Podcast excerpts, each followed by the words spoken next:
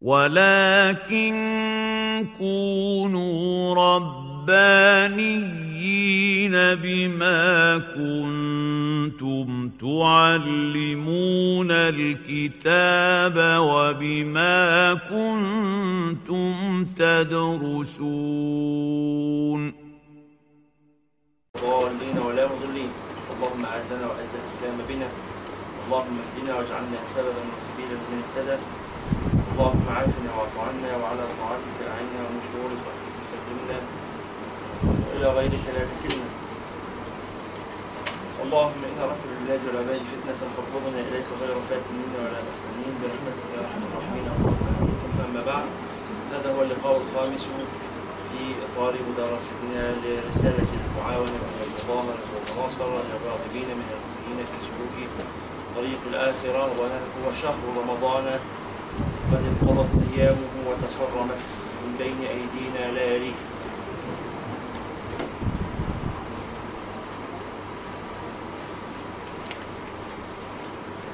وها هي ذي الليلة السابعة بعد انتهاء العشر الأول من شهر رمضان. قد مرت وبقي في رمضان ربما 12 يوم أو 13 يوم لا ندري. لكن بقي القليل العشر الأواخر ستبدأ خلال ثلاثة أيام وينقضي الشهر. فنسأل الله سبحانه وتعالى أن يجعلنا فيه من الراغبين المريدين الصادقين الذين لم تتفلت أعمارهم وتنقضي من بين أيديهم سدى ثم لم يخرجوا منها بشيء. وكنا قد تحدثنا في اللقاء السابق عن والذي قبله عن عمارة الأوقات بوظائف العبادات فقلنا أو قال الشيخ لنا إن الأوراد ينبغي أن تقسم إلى أوراد ذكر وأوراد أولا أوراد صلاة نفل وأوراد قرآن وأوراد قراءة علم وأوراد ذكر وأوراد فكر. وأن الأوراد منها ما أو أن النوافل منها نوافل واردة ومنها نوافل أخرى زائدة صحيح؟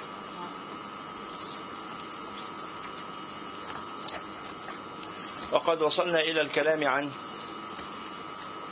ورد الذكر قال فصل هل الجو حار أم الجو حار أم أنا اللي حران أنا اللي حران. عشان التكييف مش جاي عليا. التكييف بياخد من عندي ويدي لحضرتك. الله إيه؟ طيب لا بأس.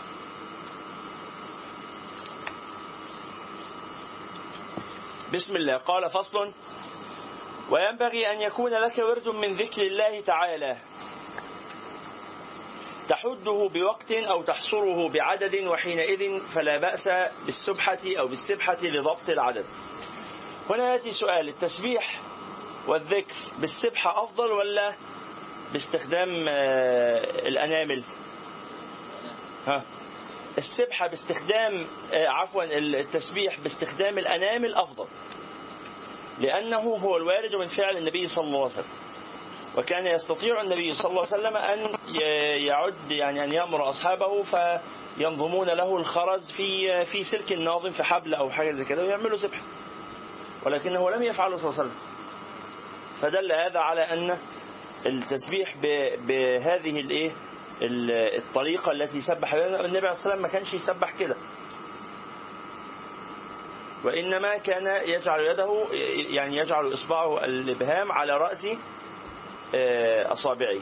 فهكذا سبحان الله سبحان الله سبحان الله ثم سبحان الله سبحان الله سبحان الله ثم سبحان الله سبحان الله سبحان الله وهكذا. وكان يستخدم يمناه في العد فقط لا يسراه. فيسبح على هذه الأصابع الخمس ثم يكررها على نفس الخمس ثم يزيد إصبعا واحدا فهذه ثلاث وثلاثون تسبيحة ثم ثلاث وثلاثون تحميدة ثم ثلاث وثلاثون تهليل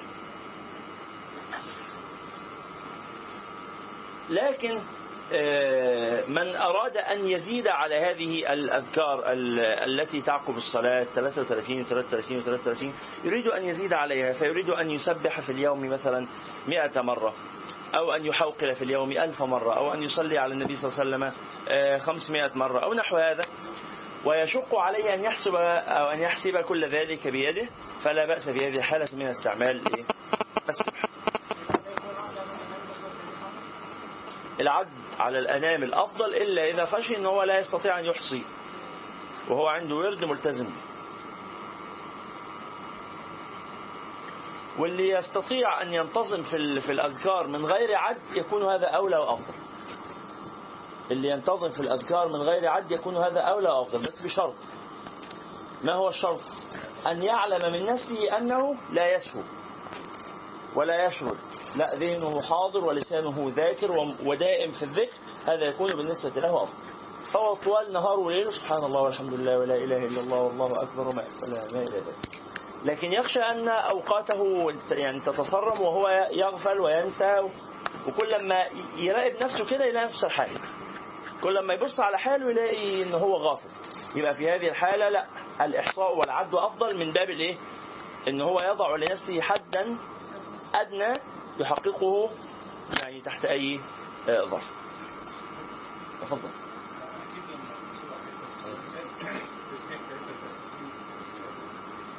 هذا الرقم في نعم. لأن إحنا في نعم. نعم. نعم. نعم.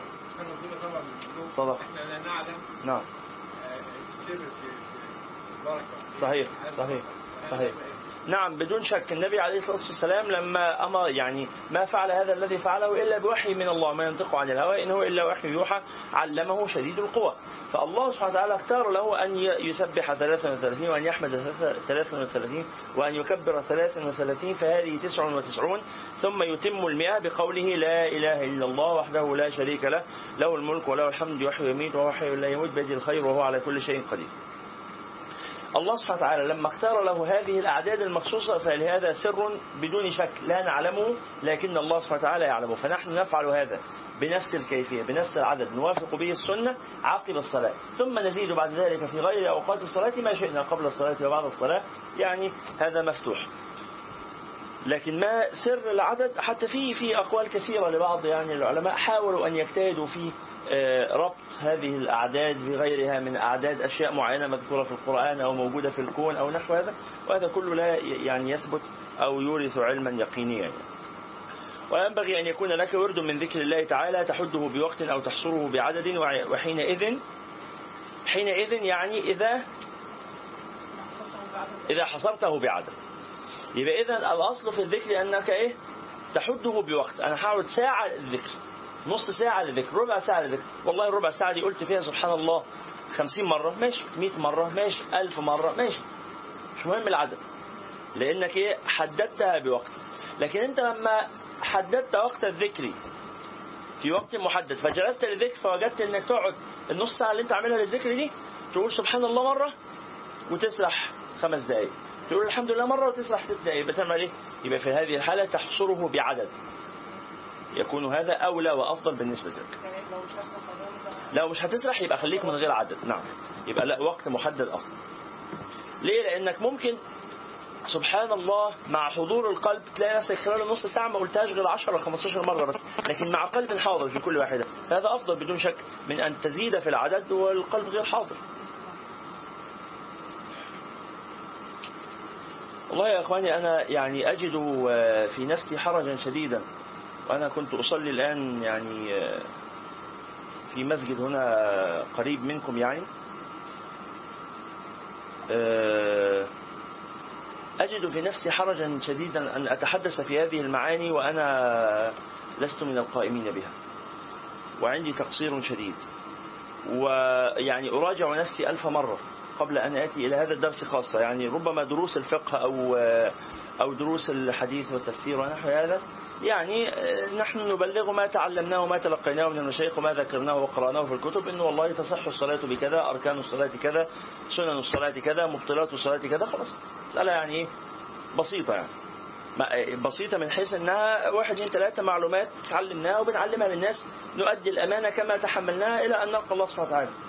لكن هنا دي أمانة زائدة على مجرد إن إحنا نقرأ الكتاب يعني في في مشقة بالغة جدا على نفسي. أنا أحببت أن أقول هذا يعني آه، تبريئا أو تبرئه للذمه إمام الله سبحانه وتعالى.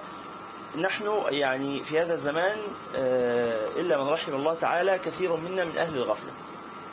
والأعمار تمر والأيام تنقضي والواحد مشغول ومعلش اصل أنا عندي ارتباطات وعندي انشغالات وعندي زحمة وأصل هي ظرف استثنائي وهيعدي ومعرفش عندي ارتباطات إيه صباحا وارتباطات إيه مساء وشيء يعني غير جيد اطلاقا. يعني أنا أحدثكم بهذا وقد يعني دخلت اليوم إلى بيتي في الساعة التاسعة صباحا. يعني كان هذا أول رجوعي إلى البيت. مع يعني كثير من الاجتماعات واللقاءات والمحاضرات ونحو هذا طوال الليل إلى ما بعد الفجر. إذا كان عندي لقاء بعد الفجر دام ساعة ثم لقاء آخر بعده لثلاث ساعات. ثم استأنفت يوما جديدا. هذا اليوم المزدحم جدا. يعني كلها أعمال مرتبة وكلها يعني نسأل الله سبحانه وتعالى أن يأجرنا عليها خيرا وأن تثمر نفعا. يعني آه، يا رب في الدنيا والآخرة أو على الأقل في الدنيا فقط ينتفع بها الناس حتى ولو لم يكن لنا فيها من الأجر شيء أو يبقى الناس انتفعوا بشيء. ويعني نلقى الله سبحانه وتعالى على فيض الكريم. يا رب لا لنا ولا علينا ده على الأقل يعني طموح نسعى إليه. لكن الكلام عن الأوراد من أوراد الصلوات الواردة والصلوات التي لم ترد هي الصلوات الزائدة ولا ورد قراءة القرآن ولا ورد الخدمة ولا ورد الذكر ولا ورد الفكر ولا هذه الأوراد يعني نحن أهل تقصير شديد جدا يا إخواني. أقول لكم هذا مش من باب يعني آه، أنه آه، تواضع أو شيء من هذا القبيل لكن لا يعني أنا مش عارف أقول لربنا إيه. لكن أنا آتي إلى هذا المجلس بنية إن إحنا كلنا مع بعض. هنقرأ من الكتاب فيذكر بعضنا بعضا. لعل أحد من حضراتكم يعني يفتح الله سبحانه وتعالى عليه بمعنى أو يرزق في هذا المجلس سر من أسرار الإخلاص فأكون أنا من المنتفعين. فأنا آتي بنية الانتفاع في الحقيقة ليس عندي ما أقول.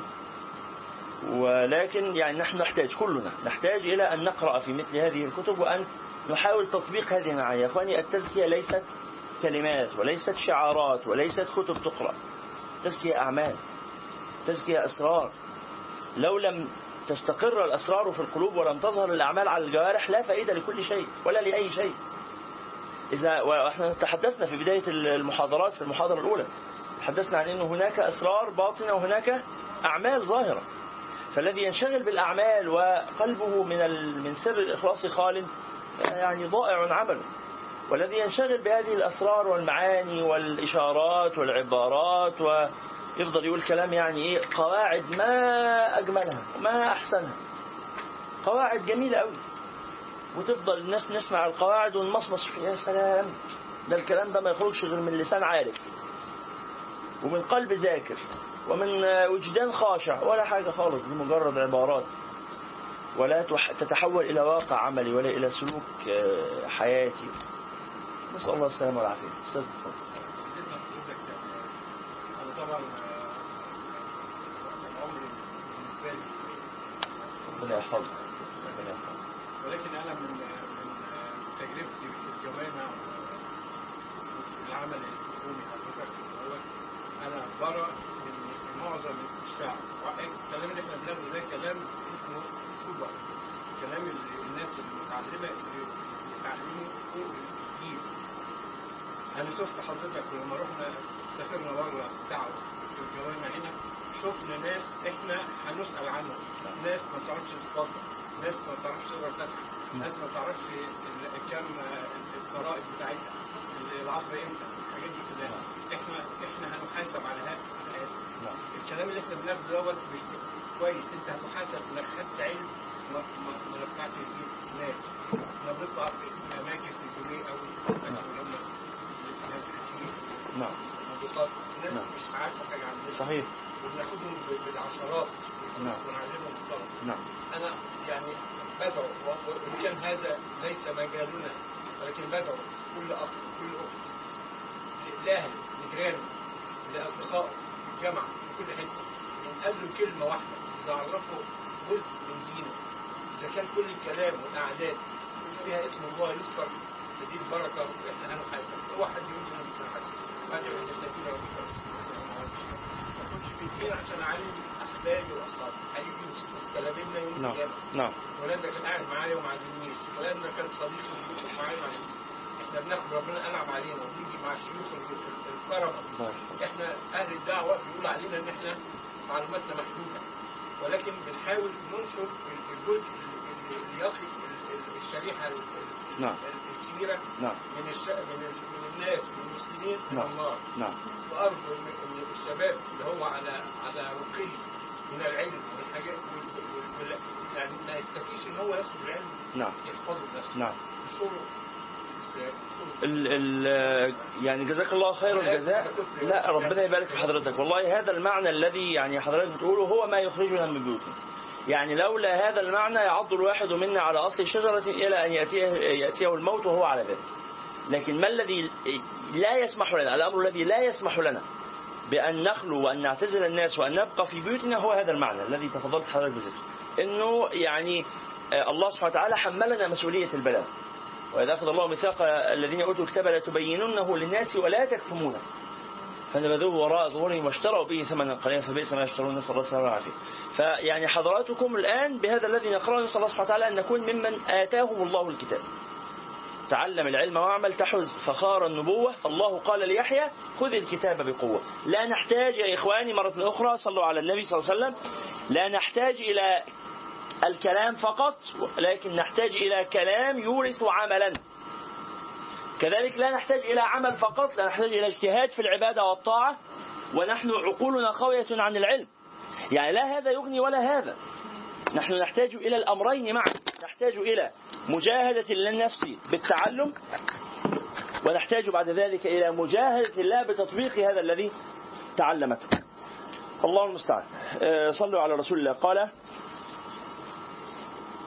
واعلم أن الذكر ركن الطريق ومفتاح التحقيق وسلاح المريدين ومنشور الولاية كما قال بعض العارفين وقد قال الله سبحانه وتعالى فاذكروني أذكركم. وقال تعالى فاذكروا الله قياما وقعودا وعلى جنوبكم. وقال تعالى يا أيها الذين آمنوا اذكروا الله ذكرا كثيرا. وقال رسول الله صلى الله عليه وسلم يقول الله تعالى أنا عند ظن عبدي بي وأنا معه حين يذكرني فإن ذكرني في نفسه ذكرته في نفسي وإن ذكرني في ملأ ذكرته في ملأ خير منه. وقال عليه الصلاة والسلام يقول الله تعالى أنا جليس من ذكرني. وقال عليه الصلاة والسلام ألا أنبئكم بخير أعمالكم وأزكاها عند مليككم وأرفعها في درجاتكم وخير لكم من إنفاق الذهب والورق ومن أن تلقوا عدوكم فتضربوا أعناقهم ويضربوا أعناقكم قالوا بلى. قال ذكر الله. وللذكر ثمرات ونتائج يجدها من يواظب عليها بوصف الأدب. لو سمحتم نحط خط تحت آخر كلمتين في السطر دول. بوصف الأدب. بوصف الأدب، الذكر ليس أن تقول سبحان الله سبحان الله سبحان الله وأنت قاعد حاطط رجل على رجل ونايم وبتتفرج على التلفزيون وبتلعب بالموبايل بس أنت بتقول سبحان الله سبحان الله سبحان الله. وتعبس في أشيائك وتمارس نشاطاتك ورايح جاي وسبحان الله. لا هذا ليس هو الذكر. هذا ذكر خال من وصف الأدب.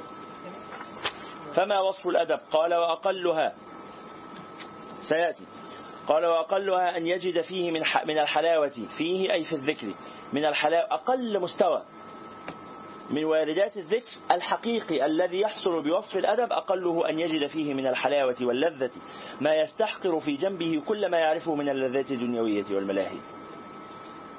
وأعلاها أن يفنى بالمذكور عن الذاكر وعما سواه، أنه يخرج عن حظوظ نفسه ويخرج بل يخرج عن نفسه أصلا. تذكرون آه، سيدنا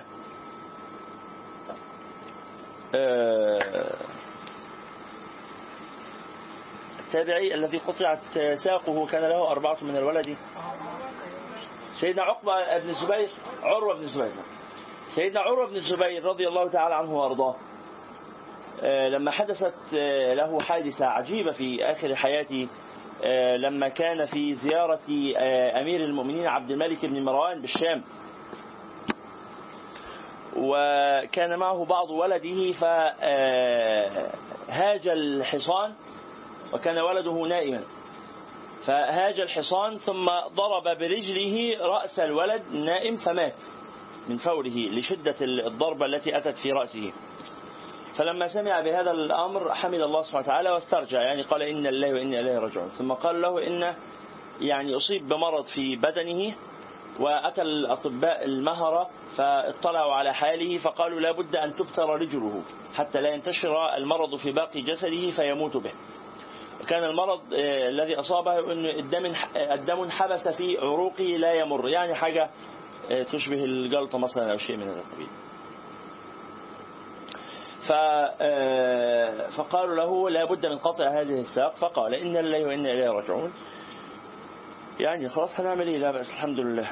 فقالوا لا بد أن تشرب بعض الدواء الذي يغيبك عن الوعي حتى نستطيع أن نقطع هذه الساق فرفض. فقال له ليس عندنا حل إلا هذا الألم يكون شديدا جدا وقد يؤدي الألم إلى أن تموت. فلا بد أن تشرب بعض الخمر أو بعض الدواء الذي يذهب عقلك فتسكر وتنام يعني تنفصل عن العالم مخدر تنفصل به عن الدنيا حتى نستطيع أن نقطع هذه الساعة. فقال ألا أدلكم على خير من ذلك؟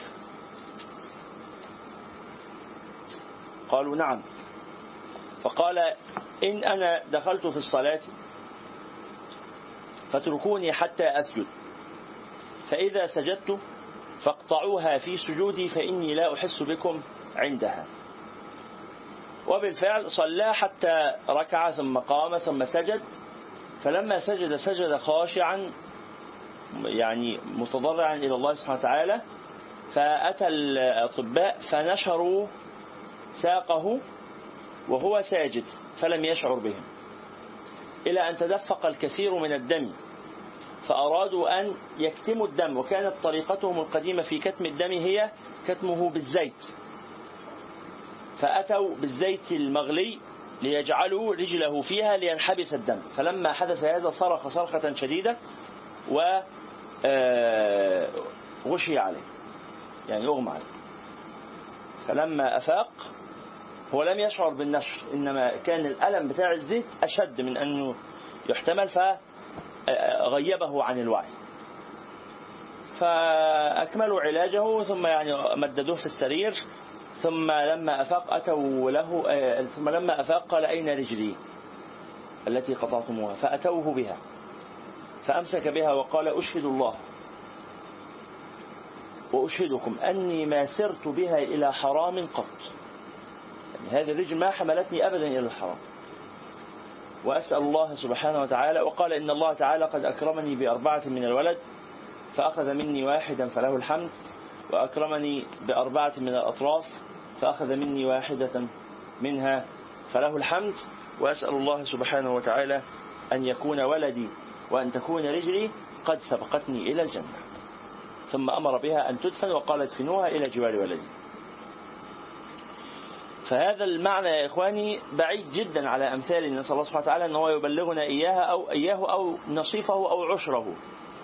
أن يكون الذكر أو أن تكون الصلاة بالنسبة لنا غيابا تاما عن مشاهدة الخلق وعن التفكير في الخلق وعن مراقبة الخلق وعن كل شؤون الدنيا. وهذه حقيقة الصلاة. حقيقة الصلاة الذكر التام لله الاتصال التام بالله سبحانه وتعالى.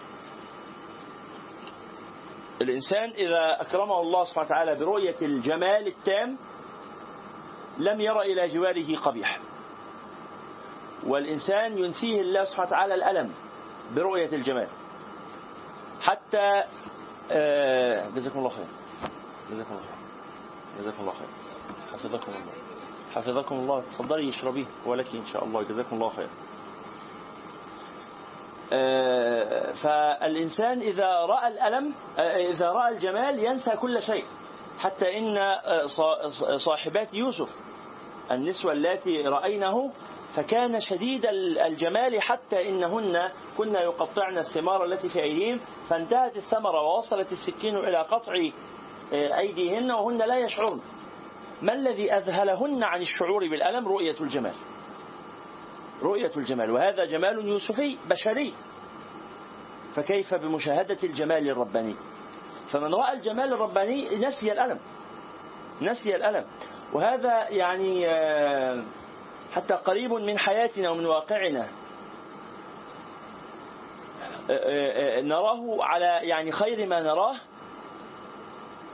عند أعظم أهل المحبة. من أكثر المحبين حبا؟ الأم تحب ولدها. هذه أعظم محبة. ولا تحصل محبة قط في قلب إنسان أعظم من محبة الأم لولدها. هذا غالب طبعا. هناك استثناءات. هناك استثناءات. لكن هذا هو الحكم الأصلي الغالب. فالأم التي تحب ولدها وتراه يعني أجمل الأطفال وتحبه حبا شديدا وتتعلق به تعلقا تاما. تتحمل من أجل هذا الحب ألما لا يمكن تصوره. ألم الحمل هذا؟ ألم يعني أنا لا لا أستطيع أن أتخيل كيف يصبرن على هذا إلا أن الله سبحانه وتعالى يصبرهن. لكن أنا بالنسبة لي ده, ده يعني سلوك غريب. أنه امرأة تحمل في بطنها كائنا لفترة تزيد على تسعة أشهر أو ربما تسعة أشهر تحمل أربعة كيلو ولا ثلاثة كيلو في بطنها وتفضل تتحرك بيهم ليل ونهار. الواحد بيتعب من الهدوم اللي عليه لما تقعد يومين ثلاثة يعني انت لازم تغير هدومك كل يوم. ثم يأتي بعد ذلك ألم. والله يا إخواني أنا يعني أقسم لكم بالله هذا لا يمكن في أسوأ تصوراتي أن أتخيل كيف يتحملنه ألم الولادة. ألم الولادة. أنا, أنا لم أجربه. يعني آه، يعني لا أعرف كيف هو. لكن هو حالة حالة غريبة. حالة أن يخرج كائن ضخم من مخرج صغير. ولا يختنق. وهي لا تموت. كيف؟ يعني أنا أشاهد هذه هذه العملية التي يعني ربما يأتون بها في التلفزيون أو في البرامج التعليمية أو نحو هذا يقشعر بدني جدا. إنه الحيوانات لما بتكون تولد كائن ضخم يخرج من مخرج قد كده. إزاي؟ والمخرج يتسع. يصعب جدا علي تحمله لكن ما الذي يحمل هذه الأم على أن تتحمل كل هذا الألم؟ الحب. رؤية الجمال. هي تريد أن ترى ولدها. فإذا ما رأته بعدما تفيق من لو كانت دخلت في غيبوبة مثلا أو شيء من هذا القبيل بعدما تفيق ويحملون إليها ولدها تراها تبتسم. وتضحك وتهدهده وتربت عليه. وأنا يعني هذا أيضا من السلوكيات الغريبة بالنسبة لي لأنه هذا الكائن سبب لك ألما شديدا فينبغي إذا ما رأيتيه فورا أن يعني تضربيه أو أن يعني تجعلينه في الأرض بقوة. يعني أنت من فعلت به كل هذا؟ طب غرفة ستين داهية. هذه عادة الناس مع من يؤلمونهم أليس كذلك يا إخواني؟ عادة الناس مع من يؤلمونهم هي هذه. أحد أمرين إما أنهم يكرهونهم ويحبون أن يلحقوا بهم الأذى أو على الأقل يعني إن كان الإنسان في أعلى درجات التسامح أنه اللي يؤلمك تقول له خلاص غور من وشي مش عايز أشوفك لكن الأم تتألم ألم شديد ثم لا تعكس ألمها على ولدها بل يظهر منها الحب. وتحتضنه وتربط عليه وتهدهده سلوكه مش مفهوم. سلوكه مش مفهوم بالطريقة, بالطريقة بطريقة التفكير البشرية الطبيعية. بس بطريقة الغريزة والفطرة التي خلق الله سبحانه وتعالى الله الناس عليها تقول سبحان الله ويخلق ما لا تعلمون. ويخلق ما لا تعلمون. لكن مرة أخرى ما الذي يحمل الإنسان على تحمل الألم؟ رؤية الجمال. رؤية الجمال. فالجمال هذا له صور متعددة. فالإنسان إذا ما عامل الله سبحانه وتعالى. إذا ما ذكر الله سبحانه وتعالى بطريقة مشاهدة الجمال نسي الألم. ولذلك كان النبي صلى الله عليه وسلم يقوم من الليل حتى تتفطر قدماه. يورم رجله تورم. يرون فيها أثر الورم من من كثرة القيام. والنبي صلى الله عليه وسلم لا يشعر بهذا.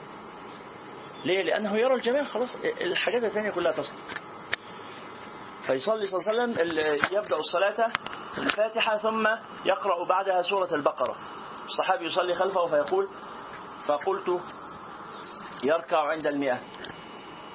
فلم يركع فقلت يركع عند المئتين. فلم يركع فقلت يتمها ويركع فلم يركع. فأنشأ بعدها في النساء. فحتى أتمها. ثم بدأ بعدها في آل عمران حتى أتمها. البقرة آل عمران والنساء في ركعة واحدة. ثم ركع فكان ركوعه قريبا من قيامه. ده أغرب بقى يعني هو قام قد إيه؟ قام ساعة ونص مثلا. ساعتين ثلاثة ما نعرفش. مع طريقة قراءة النبي صلى الله عليه وسلم بالترسل أنه كان يقف على رؤوس الآية. فلما يركع يكون ركوعه قريبا من قيامه يعني يفضل راكع ساعة ونص ساعتين. هذا بالنسبة لنا سلوك غير مفهوم. يعني مع التأدب مع الجناب النبوي صلى الله عليه وسلم محمد صلى الله عليه وسلم لكن لا سلوك مش مفهوم. سلوك مش مفهوم ليه؟ لأنه كل هذا الألم لماذا يتحمله الإنسان؟ يعني ما المبرر؟ ما الداعي؟ لا ليس هناك مبرر ولا داعي إلا مشاهدة الجمال ولذلك لما السيدة عائشة رضي الله تعالى عنها تقول له يا رسول الله أليس الله قد غفر لك ما تقدم من ذنبك يعني أنت لا تحتاج إلى كل هذا فيقول أفلا أكون عبدا شكورا يعني أنا عندي نعم كثيرة فهذه النعم الكثيرة التي أحط بها رأس هذه النعم مشاهدة الجمال تستحق مني أن أفني بدني وأن أفني عمري وأن أفني حياتي. في خدمة هذا الرب الجليل سبحانه وتعالى الذي أحببته فرأيت فيه كل جميل. ورأيت به كل جميل. ورأيت من خلاله كل جميل. أن ترى الجمال بالله وأن ترى الجمال في الله وأن ترى الجمال في الأنس بالله وأن ترى الجمال في معية الله وأن تشعر بالجمال عند ذكر الله. هذه حقيقة الذكر يا إخوان.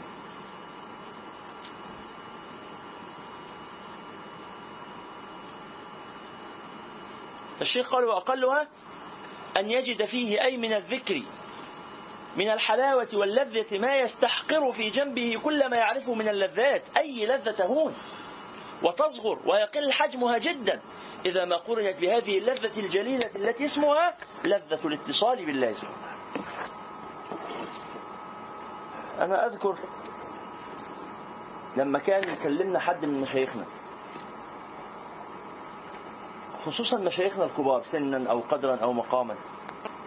فأنا كنت أفضل أول ما الشيخ يتصل بيا كان في أول علاقتنا بالمشايخ كان لسه عندنا أدب. يعني بيروح مع الوقت نسأل الله سبحانه وتعالى إن هو يؤدبنا. كان في أول علاقتنا بمشايخنا لما الشيخ يتصل بيا أبقى مخضوض. الشيخ بيتصل بيا ليه؟ إزاي؟ يعني أفضل ماسك التليفون كده وعندي حالة من حالات الإيه؟ الفرحة. وأرد بمنتهى الحب. فيقول لي تعالى عايزين نقعد مع بعض أو نتكلم أو بتاع فإمتى؟ يقول لي النهارده بكرة بعده. فأروح له فورا وأبقى رايح وأنا وأنا فرحان ومقبل. ها؟ على اللقاء بغاية الحب. ثم أخرج من اللقاء ربما تفضل عندي حالة نشوة. وفرح باللقاء أسبوع واسبوعين وثلاثة. وأفضل كل ما حد أقول له ده أنا كنت عند الدكتور فلان من كام يوم. كنت عنده في البيت. كان بي عزمني على الغداء. وأفضل إيه؟ ما وسط أصحابنا كده. أفضل أتفاخر واتخيل وأنا في غاية الفرح. إنه أستاذنا الدكتور فلان عزمنا أو إنه قعد يتكلم معانا أو إنه اهتم بينا أو إنه بي. وبعدين المعنى بقى إنه الواحد لما يفرح كل هذا الفرح ب... بإنسان في الآخر يعني الشيخ ده إيه؟ بني آدم. راح ولا جه؟ بني آدم. فهو يفرح كل هذا الفرح بدعوة إنسان له إلى لقائه. كيف والله سبحانه وتعالى يدعوه إلى لقائه في كل يوم خمس مرات فيبقى رايح المشوار بتاع ربنا ده إن هو إيه؟ ماشي أنا جاي أهو. تكليف. خلاص أنا هعمل التكليف. ويزول معنى الاستمتاع باللقاء. لماذا يزول معنى الاستمتاع باللقاء؟ لأنه لأن لا نرى الجمال. لأن لا نرى الجمال إلا من رحم الله.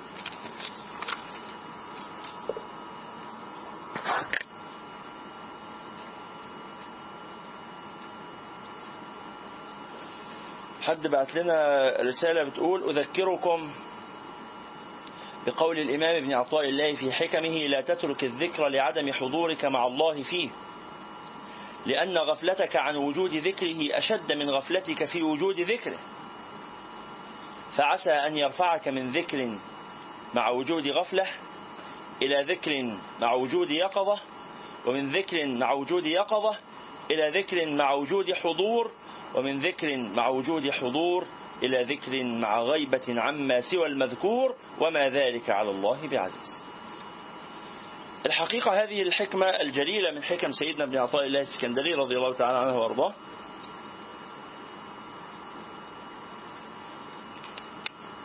تلفت النظر إلى معنى مهم.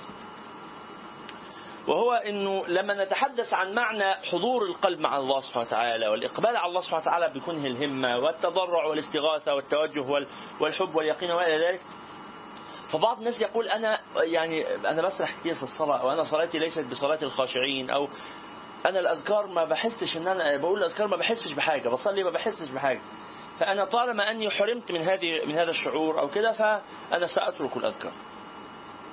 حافظ على الصلاة بس الأذكار لازم لها خشوع وأنا لا أستطيع أن أكون خاشعا. فيبقى سأتوقف عن الأذكار. وهذا من تلبيس الشيطان على العبد. كان سيدنا الإمام الجنيد رضي الله تعالى عنه أحد الصالحين الكبار كان في مرة نصح واحدا من الناس بالإخلاص في الصلاة وبخشوع القلب في الصلاة وبتذكر مشاهدة الله سبحانه وتعالى ومناجاة الله سبحانه وتعالى وما إلى ذلك من هذه المعاني القلبية.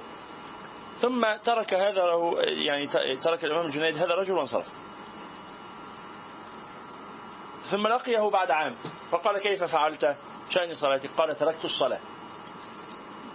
قال ويحك لما قال لم أستطع أن أخشع فيها. قال إنما قلت لك اخشع ولم أقل لك اترك الصلاة. فلا تترك الصلاة لأجل عدم حضور الخشوع. أرأيت لو أنك لا تستطيع أن تحسن إلى والديك أتم الإحسان؟ فإذا جلست أحدثك عن بر الوالدين وعن أهمية الإحسان إلى الوالدين وعن إكرام الوالدين وعن حب الوالدين وعن تقبيل يد الوالدين وعن تقبيل رجل الوالدين وعن تقبيل رأس الوالدين وعن هذه المعاني الكثيرة ثم لقيتك بعد عام فقلت لك كيف فعلت؟ قلت قتلت والدي أقول لك ويحك لما تقول لم أستطع أن أبرهما. وكنت أشعر بالتقصير نحوهما. وكنت كلما لقيت أمي ظننت أنها تحتاج إلي في أمور كثيرة وأنا لا أستطيع أن أخدمها بكل الخدمة الواجبة. ولها فضل علي كبير وأبي له فضل علي كبير ولكني لم أستطع أن أوفيهما فضلهما. على خير ما يكون الوفاء فقتلتهما ليه قتلتهما؟ ليه؟ علشان مش كل ما اشوفهم أفتكر إن أنا مقصر. أصلا أنا عندي شعور بالذنب بإيه؟ بينقح عليا جدا ويقتلني. فقلت اقتلهم هم بدل ما الشعور بالذنب يقتلني إحنا بنعمل كده يعني إلا من رحم الله تعالى. إحنا بنعمل كده. فلا يعني خليهم موجودين وهو تحسن لهم مرة في الأسبوع مرتين في الأسبوع. ولو إنك تحرم من من نعمة إنك يعني تحسن إليهم طول العمر. فلا تترك الذكر لعدم حضور قلبك مع الله تعالى فيه طيب قال ومن قعد وهو على طهارة في خلوة.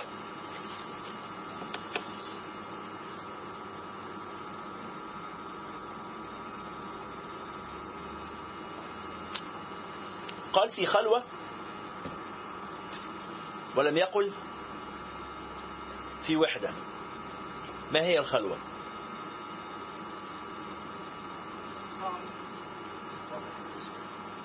الصفاء أو لذة المناجاة أو الانفراد بالنفس في صحبة الله سبحانه وتعالى.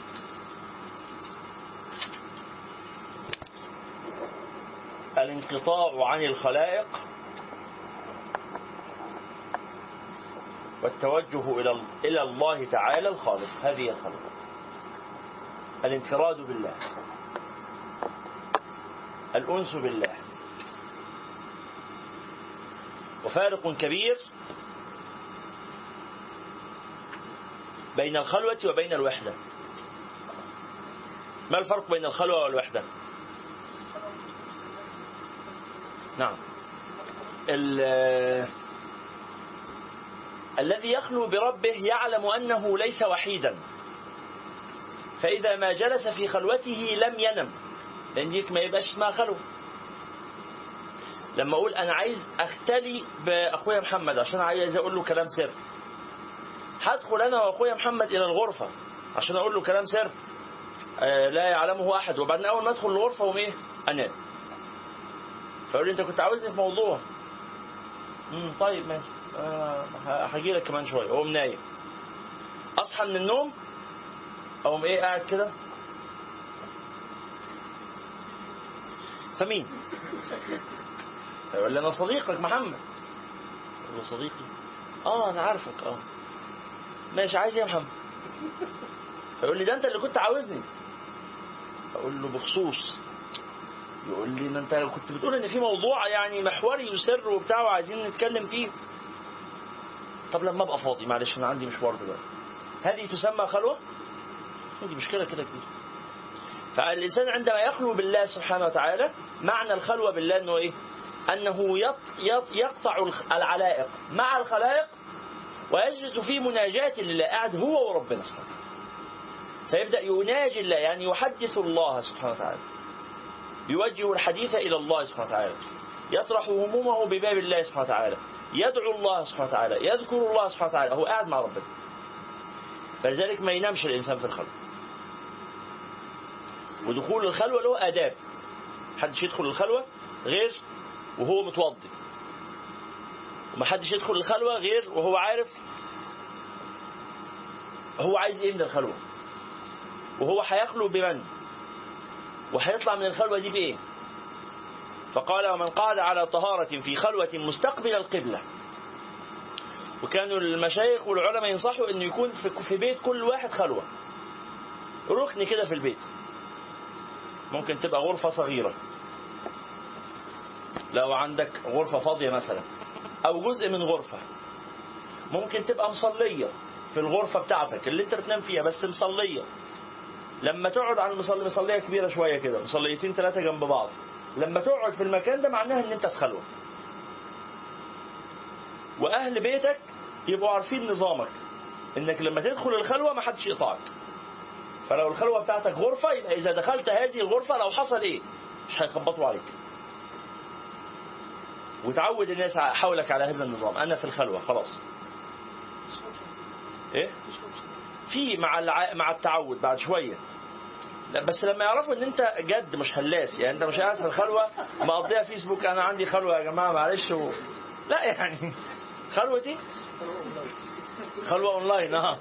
أنا هم على قد بس ال 5000 القريبين يعني. مختل أنا والفيسبوك. فلا لما يعرفوا إن أنت جاد مش مش بتلعب لا هيحترموا ده وهيقدروه فممكن تبقى الخلوة زي ما بقول لحضراتكم غرفة مثلا. تقول لمراتك تقول لإخواتك تقول لوالدك والدتك أنا إذا دخلت هذه الغرفة خلاص. ممكن أغلبنا مش متاح إنك تبقى عندك غرفة خاصة. للخلوة أو للعبادة أو كده. خليها زي ما بقول لكم ركن في الصاله ستارة. ثلاث آه، مصليات محطوطين بس ولا مصليتين محطوطين جنب بعض. إذا رحت قعدت في المكان ده وسندت ظهرك للحيطة ولا توجهت للقبلة ولا حطيت قدامك حامل المصحف كده وفتحت المصحف ولا لما تقعد في المكان ده لما تدخل المكان ده معناه أنت مش عايز مشوشات. والموبايل متحول على وضع الصامت. والناس هتحترم. وما تدخلش الخلوة دي 24 ساعة في اليوم. إن أنت مش عايز دوشة ومش عايز صداع ومش عايز تواصل ومش عايز يقولوا لك روح مشوار فأنت إيه؟ يا زوجتي الكريمة أنا في الخلوة. طب والله طب والولاد؟ أنا في الخلوة خلوة الله. هنسيب الخلوة يعني؟ خلاص. والله يا أمي معلش أنا داخل خلوة؟ يعني حاول فيها أربع شهور. يا ابني. طب إحنا عندنا مصالح في البيت. لا يا ماما معلش والله أنا يعني, يعني أنا قررت إن أنا أصلح علاقتي بربنا فأنا عندي خلوة. ثلاث سنين ضوئية في الخلوة. كلام فارغ. خلاص؟ مش كده ولا إيه؟ فلا أنت عندك وقت مثلا ساعة في اليوم نص ساعة في اليوم كده ده وقت بتاعك أنت. فتستأذنهم و... وقبل ما تدخل الخلوة لازم تكون أنهيت آه، مصالح العباد يعني قبل في آداب لدخول الخلوة. فمن ضمنها إنك قبل ما تدخل الخلوة تكون متوضي وتكون لو حد محتاج منك حاجة تكون خلصتها له.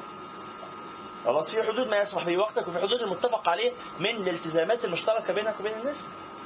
أروح أنا للموظف في السجل المدني أقول فين الأستاذ إبراهيم عشان المدير بتاعه في خلوة. خلوة إيه؟ إحنا عايزين نخلص شغلنا. نفضل واقفين أربع ساعات عشان الأستاذ إبراهيم قاعد في الخلوة. ما ينفعش الكلام ده. تنهي علاقات تنهي مصالح الناس الأول. قال ومن قعد وهو على طهارة في خلوة. إيه عارفين الخلوة دي؟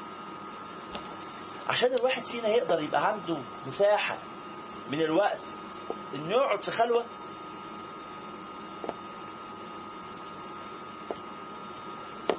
إيه؟ يستقيل من الشغل ها. لا مش لازم مش لازم يستقيل من الشغل. بس زي ما قلنا أن يكون عملا وألا يكون شغلا. كان واحد من مشايخنا بيقول كلمة جميلة. اكتبوها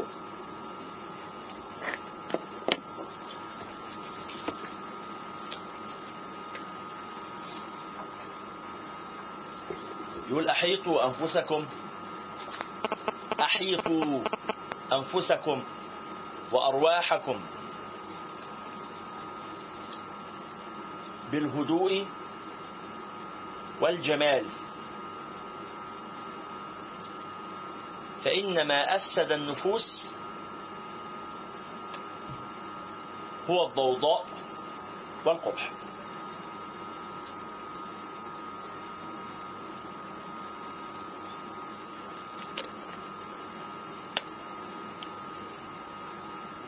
حيثوا أنفسكم وأرواحكم بالهدوء والجمال. فإن ما أفسد النفوس هو الضوضاء والقبح. ضوضاء. كانت واحدة من أساتذتي دكتورة هبة رؤوف لعل بعضكم يعرفها كنا في مرة مس- مسافرين مع بعض يعني في مكان ما فشافت حاجة غريبة كده في المكان. فبتقول لازم يعملوا عقوبة في القانون اسمها عقوبة يعني العقاب على القبح. قلت لها يعني إيه؟ قالت لي يعني لما حد يعمل حاجة قبيحة يتعاقب. ق- قبح شكلي يعني كانت بتتكلم على محطة مصر. ف فعاملين هم كانوا يعني اللي فيكم يعني بيسافر من خلال القطر القطار. يعرف إن هم عملوا تجديد للمحطه بس طلعوا حاجة فرعوني مع إسلامي مع إغريقي مع يوناني يعني طلع كده ميكس شديد الإيه؟ نشاز جدا يعني. فآه فبتقول لازم يعملوا عقوبة. يعني ال- المناظر القبيحة دي يعاقبوا اللي بيعملها. فطبعا أنا سمعت الكلام اللي هو إيه؟ ال- عشان طيب ماشي. اتفضلي حضرتك يعني عندنا مش لازم نلحق القطر عشان السفر لو سمحت. بس الحقيقة معنى آه، معنى مهم. بغض النظر يعني عن القانون بتاع العقوبة على القبح ده لكن حقيقة ال- الأمر يعني إن اللي بيعمل الحاجات القبيحة لازم يتوقف ويتقال له ده قبيح. كفايانا إحنا تعبنا قبح. إحنا اللي, منغص علينا اللي مشوش نفوسنا الضوضاء والقبح. ولذلك إحنا بدأنا المحاضرة برؤية الجمال. فرؤية الجمال تجعل كل الألم متحمل. صحيح؟ صحيح؟ صحيح؟ الله المستعان. قال ومن قعد على طهارة في خلوة مستقبل القبلة. ساكن الأطراف. يبقى أنت داخل الخلوة بتوضي متوجه إلى القبلة هادئ مش قاعد تلعب مش قاعد بتتنطط مش الخلوة اللي هي الجيم والرياضة لا خلوة أنا قاعد مستقر في مكاني ساكن الأطراف مطرق الرأس. يعني قاعد نظره إلى موضع سجوده يقرأ في مصحفه أو في كتابه أو في مثل هذا. ثم ذكر الله بقلب حاضر وأدب وافر رأى للذكر في قلبه أثرا ظاهرا.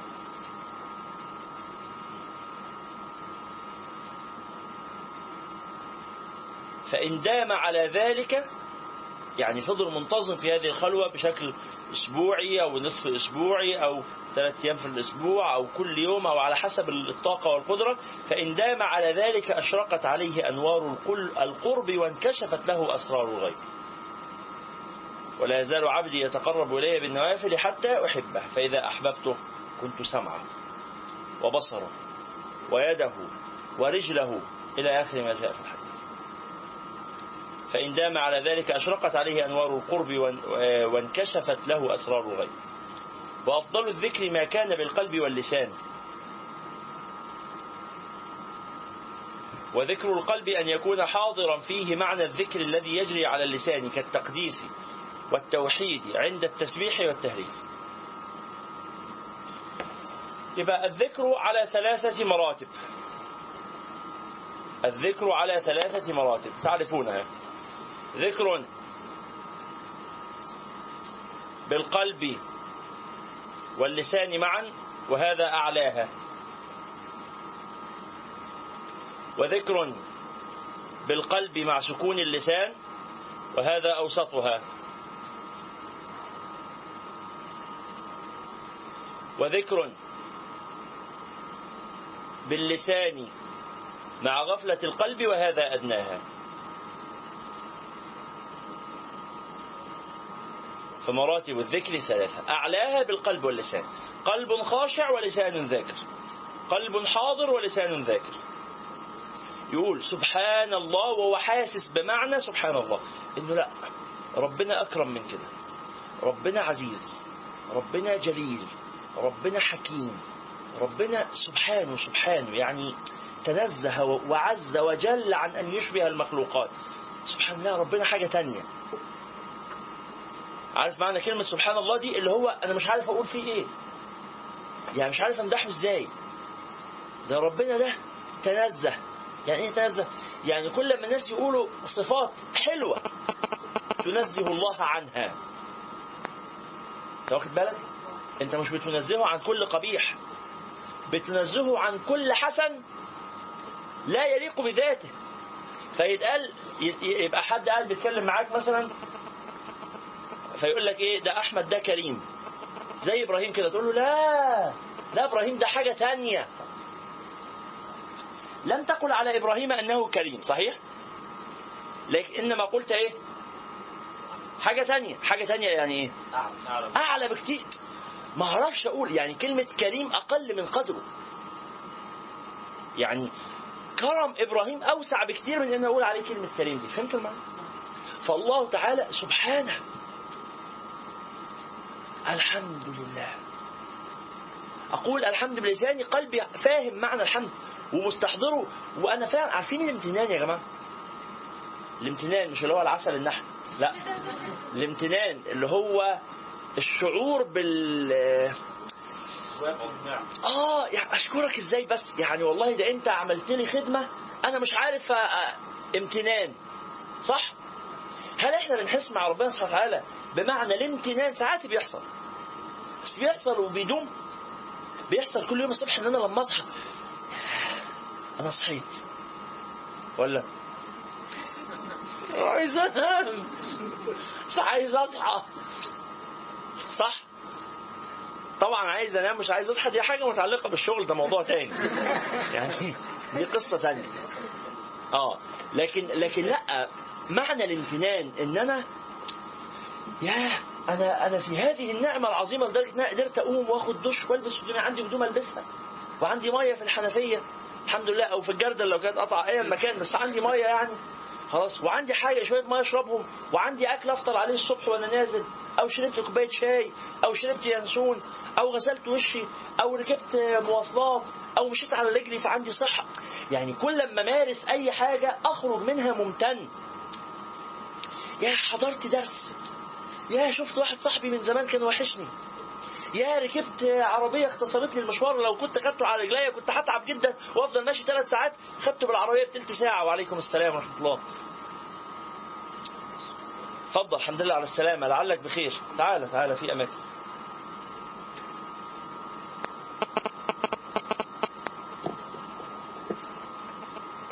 خلاص؟ فهل نحن يا إخواني وأخواتي هل نحن نشعر مع الله سبحانه وتعالى بمعنى الامتنان اللي هو الحمد ده إن أنا أيوه كده تعرفون هذا المعنى؟ تشعرون به؟ متى يشعر الواحد منا بامتنان تجاه إنسان؟ إذا أنعم هذا الإنسان عليه بنعمة كبيرة، لو واحد عمل لك خدمة كان مشوار حاجة نفسك فيها وصعبة جدا فجي واحد إيه؟ بالتليفون خلصها لك. واحد عمل معاك مشوار واحد ساعدك بحاجة واحد قعد ذاكر لك ليلة الامتحان عمل لك الشتات مثلا المتأخرة. مثلا يعني فين بتوع هندسة؟ واحد اثنين ثلاثة أربعة خمسة ستة سبعة ثمانية ماشي. أهلا وسهلا. أهلا وسهلا. فلو أعظم خدمة طبعا. إحنا يعني ياما عملنا شتات لأصحابنا. أنا هندسة قسم شريعة برضه. أه؟ إيه؟ وأصعب آه. فالشاهد فلما لما صاحبك يستجدع معاك كده مثلا ويفضل سهران معاك ليله وليلتين وثلاثه علشان خاطر مشوار يعني لازم تنجزوه ولا عربيتك فصلت منك على الطريق فكلمت واحد صاحبك فجالك في عز البرد الساعة 3 بالليل وشدك بالعربية ولا جاب لك بنزين ولا حاجة خدمك خدمة فبتبقى حاسس ناحيته بالإيه؟ امتنان هل نشعر مع الله سبحانه وتعالى عندما نقول الحمد لله الحمد لله الحمد لله الحمد لله الحمد لله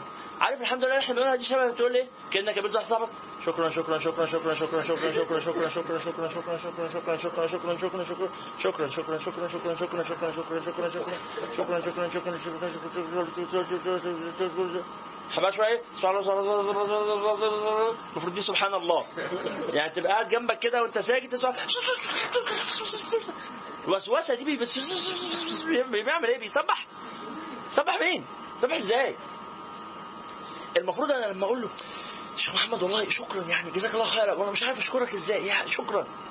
ها؟ دقيقة دقيقتين ويلاقيني جاي أشكره تاني. صح؟ أنا ممكن أكرر شكري له الانسان اللي عمل لي خدمه ده ممكن أشكره في اليوم 100 مرة.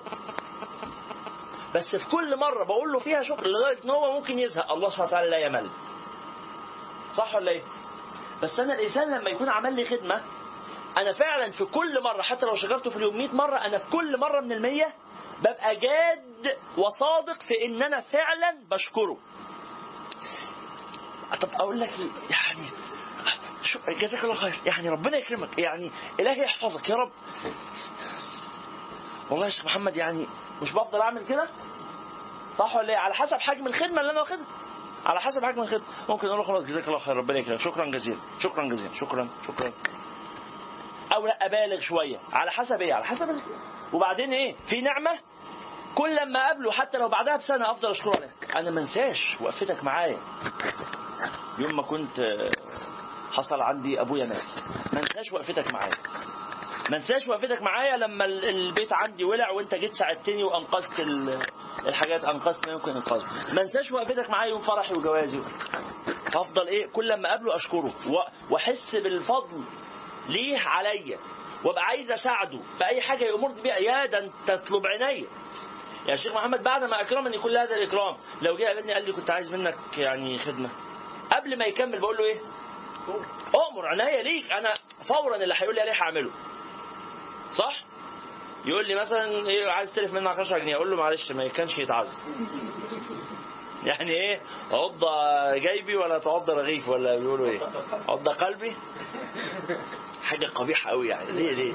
عض قلبي ليه عض قلبي يعني؟ عشان الرغيف؟ مش عارف. مش, مش حاجة جيدة يعني. اديله الرغيف يعضه يعني. هو عايز يعض الرغيف يعض الرغيف. موضوع بسيط يعني. لكن هيعض قلبك هيوجعك هتديله الرغيف يعضه برضه يعني. الموضوع هيقول إلى الرغيف في النهاية. الشاهد. فنحن عندما نذكر الله سبحانه وتعالى بالحمد أو بالتسبيح أو بالتهليل وأنا بقول لا إله إلا الله بكون فاهم معنى الكلمة؟ بكون مستحضر إنه أنا عايز أقول فعلا إن لا مفيش حد مفيش مفيش حد مش موجود مفيش إله إلا هو إله واحد. إله؟ مفيش يا ابني إله إله مين؟ مفيش إله.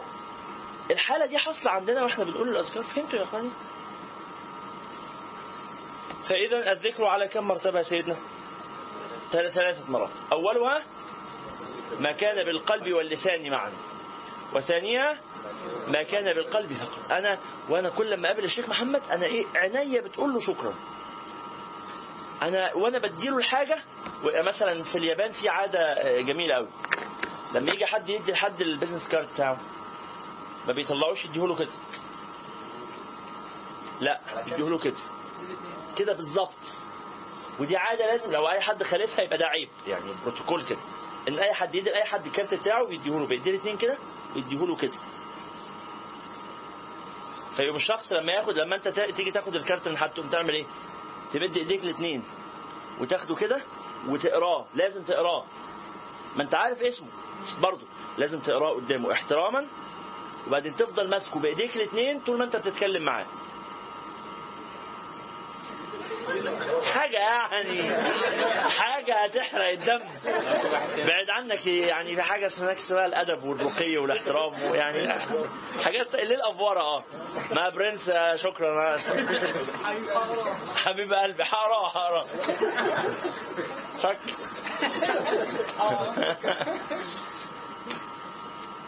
فأنا الراجل وهو بيديني الكارت أنا طب أنا طب أعمل إيه؟ يعني يعني الاخلاق هناك يا جماعة بيعلموا الأولاد الصغيرين الأخلاق في في في حصة ثابتة آه، مرتين أو ثلاثة اسبوعيا في الحضانة اسمها آه، درس ال- الأخلاق اليابانية.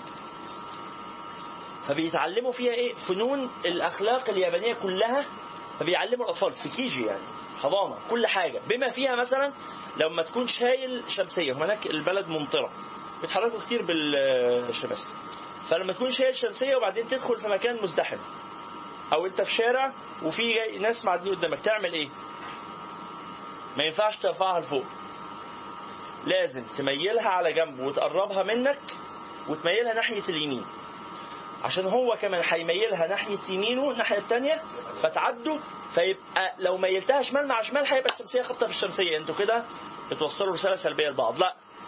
يمينك وهو يمينه فيبقى وشكوا في وش بعض. إحنا معديين كده. فوشنا يبقى في وش بعض فنحيي بعض بعينينا كده. أوهايو جوزايماس بيفضلوا أوهايو جوزاي خلاص يا حاج. أوهايو جوزاي خلاص يا حاج. أوهايو جوزايماس طيب رحنا في وزاره الخارجية خارج الراجل مساعد الوزير استقبلنا على باب الوزارة. والمساعدة بتاعته بتاع على باب الوزارة بره وبعدين إيه الاتوبيس على باب الوزارة إيه؟ يعني عند دخلة الاتوبيس. ويحيونا وبتاع ما بيعملوش كده هم بينزلوا بس وبتاع. يحيونا لغاية أما الأتوبيس ركن وبتاع ونزلنا ودخلنا ولفوا معانا اللفة بتاعتنا وبعدين خرجنا. فلما خرجنا تصو- تصورنا وحاجات كده وبعدين ركبنا الأتوبيس. ففضلوا واقفين لغاية ما كلنا ركبنا الأتوبيس. واقفين جنب الأتوبيس يصورونا جنب الأتوبيس. إحنا قاعدين. بدأ الأتوبيس يتحرك. نبص لسه واقفين بيعملوا كده. لغاية ما الأتوبيس بيقعد بعيد. خلاص. عايز أطلع أنا من الشباك ادخلوا جوه. الجو برد والله لغاية اما الاتوبيس انصرف بعيد وهم لسه واقفين على الباب. يعني أنا أظن لو رجعنا دلوقتي هنلاقيهم لسه على باب الوزارة بيعملوا كده. يفضلوا واقفين 20 سنة يعملوا كده. فده اسمه الاحترام. بغض النظر عن الأمثلة ممكن يبقى عندنا أمثلة مختلفة. ممكن إحنا بنحيي الناس بطريقة مختلفة بس الشاهد يعني معنى الايه؟ معنى الأدب. معنى الأدب اللي بينعكس اللي هو مش مجرد حاجة يعني قلبية أو بتاع لا ده بينعكس على السلوك الظاهري العملي الجوارح. الجوارح باين فيها الأدب. استاذنا للأسف نعم. الشيخ عبد الحليم شيخ الأزهر رحمه الله ورضي عنه. اوروبا نعم. شفت ناس ما ما مش مش مسلمين ف- ولكنهم بيعملوا في الإسلام. نعم. نعم. نعم. صحيح. صحيح.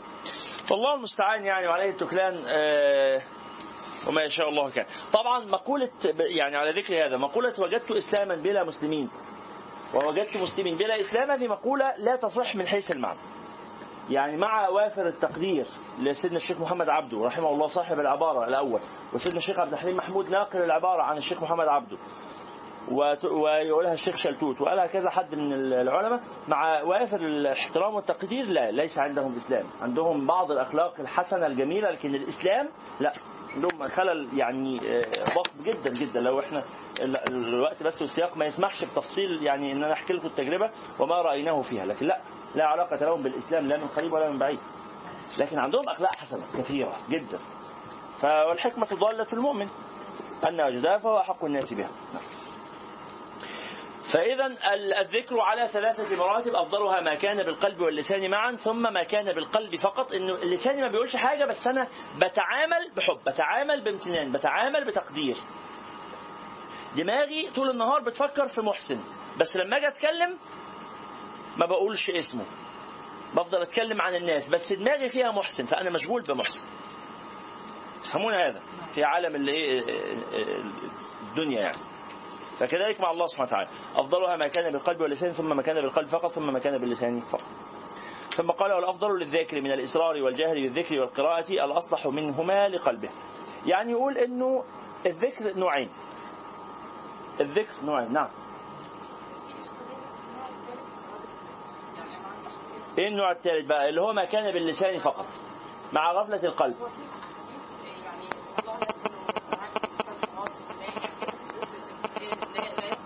نعم هذه الأحاديث إحنا يعني عقبنا على هذا منذ قليل. إنه الأفضل لسان ذاكر وقلب حاضر. بس إن كان القلب مش هيحضر وقف اللسان عن العمل لا خلي اللسان يشتغل على سبيل مساعدة القلب على الحضور. لا يساء اللسان ممكن يبقى شغال. سبحان الله سبحان الله سبحان الله سبحان الله وهو غافل. فهذا أفضل من الدرجة الرابعة اللي ما قلناهاش. اللي هي إيه؟ لا باللسان ولا بالقلب. فلما نقارن ما بين الاثنين لا اللي باللسان أفضل. طبعا لما هقارن اللي باللسان باللي في القلب لا طبعا اللي في القلب أفضل. ولما اقارن اللي في القلب باللي باللسان والقلب يبقى لكن أنا هفترض إنه لا واحد خلاص إما باللسان فقط أو لا بشيء. يبقى باللسان فقط. نعم. ثم قال والأفضل للذكر آه الذكر ممكن يبقى إصرارا أو جهرا. ممكن أسر بالذكر أو أجهر به. أسر بالذكر أو أجهر به. سواء هذا أو ذاك لا إشكال. بس الفيصل إيه؟ الفيصل حضور القلب. ما الحال الذي يكون قلبي فيه حاضرا؟ على حسب. ممكن واحد حركة اللسان تشوش قلبه. إذا يجهر فهو بس هيبقى في سره. بسم الله. بسم الله. بسم الله. بسم الله. أهو حركة بسيطة في قلبه خلاص؟ لكن واحد تاني لا. ما يخشعش غير بسم الله بسم الله بسم الله بسم الله بسم الله بسم الله بسم الله بسم الله بسم الله بسم الله بسم الله بسم الله بسم الله بسم الله بسم الله سبحان الله سبحان الله سبحان الله سبحان الله وهكذا يفضل صوته يعلى فده نقول له إيه خليك في خلوتك خلوتك تبقى غرفه مغلقه لو سمحت خلوتك تبقى في غرفة مغلقة. لكن هو قلبه بيكون حاضر كده. فده أحسن له الجهر من الإسراف. فهمت المعنى؟ طيب. قال والأفضل قال والذكر هو الورد الدائم المستمر. فاجتهد ألا يزال لسانك رطبا منه في كل حال إلا في وقت ورد لا يمكن الجمع بينه وبين الذكر كالقراءة والتفكر. أنا قاعد أقرأ فمش معقول وأنا قاعد أقرأ دلوقتي بسم الله سبحان الله والحمد لله ولا إله إلا الله والله أكبر ولا حول ولا قوة إلا بالله سبحان الله العظيم لا إله إلا الله. هقوم من مجلس القراءة مش فاهم ولا كده ولا أنتوا استفدتوا ولا أنا استفدت أنا قاعد في قراءة. فدي هي كمان ورد اخر فلما تتعارض الأوراد يبقى إيه؟ كل حاجة في وقتها.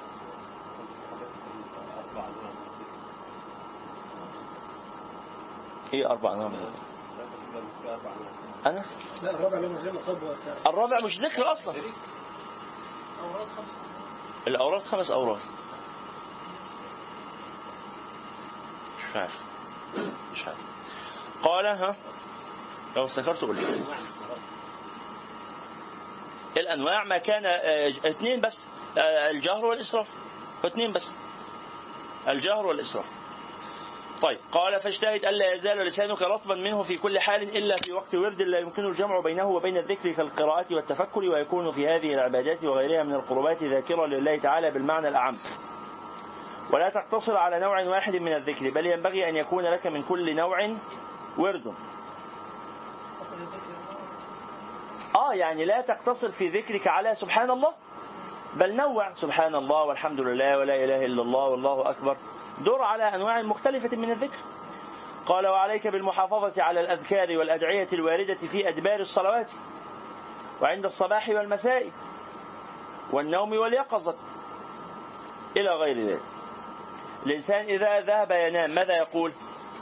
باسمك اللهم وضعت جنبي وبك أرفعه. باسمك اللهم أموت وأحيا. اللهم إنا أسلمت نفسي إليك ووجهت وجهي إليك رغبة ورهبة إليك لا ملجأ ولا منجأ منك إلا إليك. آمنت بكتابك الذي أنزلت وبنبيك الذي أرسلت. اللهم إني أمسكت نفسي فارحمها وإن أرسلتها فاحفظها بما تحفظ به عبادك الصالحين. ويتوجه إلى القبلة وينام على وضوء وينام على شقه الأيمن ويقرأ قبل النوم. قل هو الله أحد وقل أعوذ برب الفلق قل أعوذ برب الناس. يقرأها في يده. هكذا ثم يمسح بها وجهه وجسمه. هذه أذكار النوم. وإذا استيقظ الإنسان قال بسم الله الحمد لله الذي أحيانا بعدما أماتنا وإليه النشور. لا إله إلا الله وحده لا شريك له له الملك وله الحمد وهو على كل شيء قدير. اللهم أعني على ذكرك وشكرك وحسن عبادتك. هذه أذكار الصباح أو يعني ذكر اليقظة عفوا الاستيقاظ. وقال إلى غير ذلك من الأوقات والأحوال المتعاقبة. فما سنها رسول الله صلى الله عليه وسلم لأمته إلا لتكون سببا لهم إلى الفوز بالخير والنجاة من الشر الواقعين في ذلك الوقت والحال فمن أهملهما أو فمن أهملها لهذه الأذكار والأوراد ثم بعد ذلك ناله مكروه أو حيل بينه وبين محبوبه فلا يلومن إلا نفسه. والله سبحانه وتعالى النبي صلى الله عليه وسلم أعطاك تحصينات تحصن نفسك من الحسد وتحصن نفسك من الحسد من الكبر وتحصن نفسك من السحر وتحصن نفسك من الشر كله من شياطين الدنيا والآخرة. تحصن نفسك بهذه الإيه؟ الأذكار والأوراد والأدعية. فإن تجاهلت هذه أو قصرت فيها أو تهاونت فيها ثم أصابك مكروه خلاص ما يعني أنت اللي عملت كده في نفسك. كيف تنازلت عن الدرع الذي تدرع به تحمي نفسك به من الأخطار النبي عليه الصلاة والسلام يقول من صلى الفجر في جماعة فهو في ذمة الله. فيعني حدث معي أمور كثيرة شخصيا والله. أنه صليت الفجر في جماعة في كثير من الأيام وأصبت في هذا اليوم بمكروه يعني. فإذا ما فاجأني المكروه قلت في نفسي يا رب أنا صليت اليوم في جماعة في الفجر أنا في ذمتك يا رب فلا أضام. والله يا أخوانا ما من موقف حصل فيه هذا إلا وأكرمني الله سبحانه وتعالى بكرم لا أتخيله وخرجت من الموقف يعني كأن لم يحصل شيء. مع الضرر يعني بيحصل الضرر بس ضرر يسير ضرر هين. وأبسط حاجة أنه يهون على النفس. يهون على النفس. ولما أقارن بين هذا الذي لحق بي والذي لحق بمن حولي أجد أنه يعني لا يكاد يكون شيء. وفي الأيام الأخرى التي ينزل بي مثل هذا الضرر ولم أكن صليت الفجر في جماعة أجد يعني ضرر مضاعفا. مضاعفا. هذه هذه يعني عادة لي جربتها كثيرا. آخر سفرية دي. كنت الفجر في جماعة. فكرم ربنا سبحانه وتعالى. سيف. يذكر هذا. آه جم بعد ما رجعنا من صلاة الفجر بحاجة بسيطة. يعني أنا بتحرك بقول في نفسي أنا صليت الفجر في جماعة فلا أخاف. لا أخاف. ما يعني كل ما سيحدث هين وكرم الله سبحانه وتعالى ما أصابنا مكروه. كرم الله سبحانه طبعا ممكن يحصل مكروه عشان ما حدش يعني إيه إذا صلى الفجر في جماعة ثم أصابه مكروه فيكفر بالله لأنه كده أنا في ذمة الله وأذيت. لا قلت لحضراتكم أهون شيء يعني أن يهون الأمر على نفسك أن الله سبحانه وتعالى يعطيك قوة عجيبة. بل ويحصل شيء أخطر. أن يكون المعتدي عليك معتديا على جناب الله. فيكون انتقام الله تعالى منه أشد في الدنيا والآخرة. لأنه اعتدى على إنسان في ذمة الله.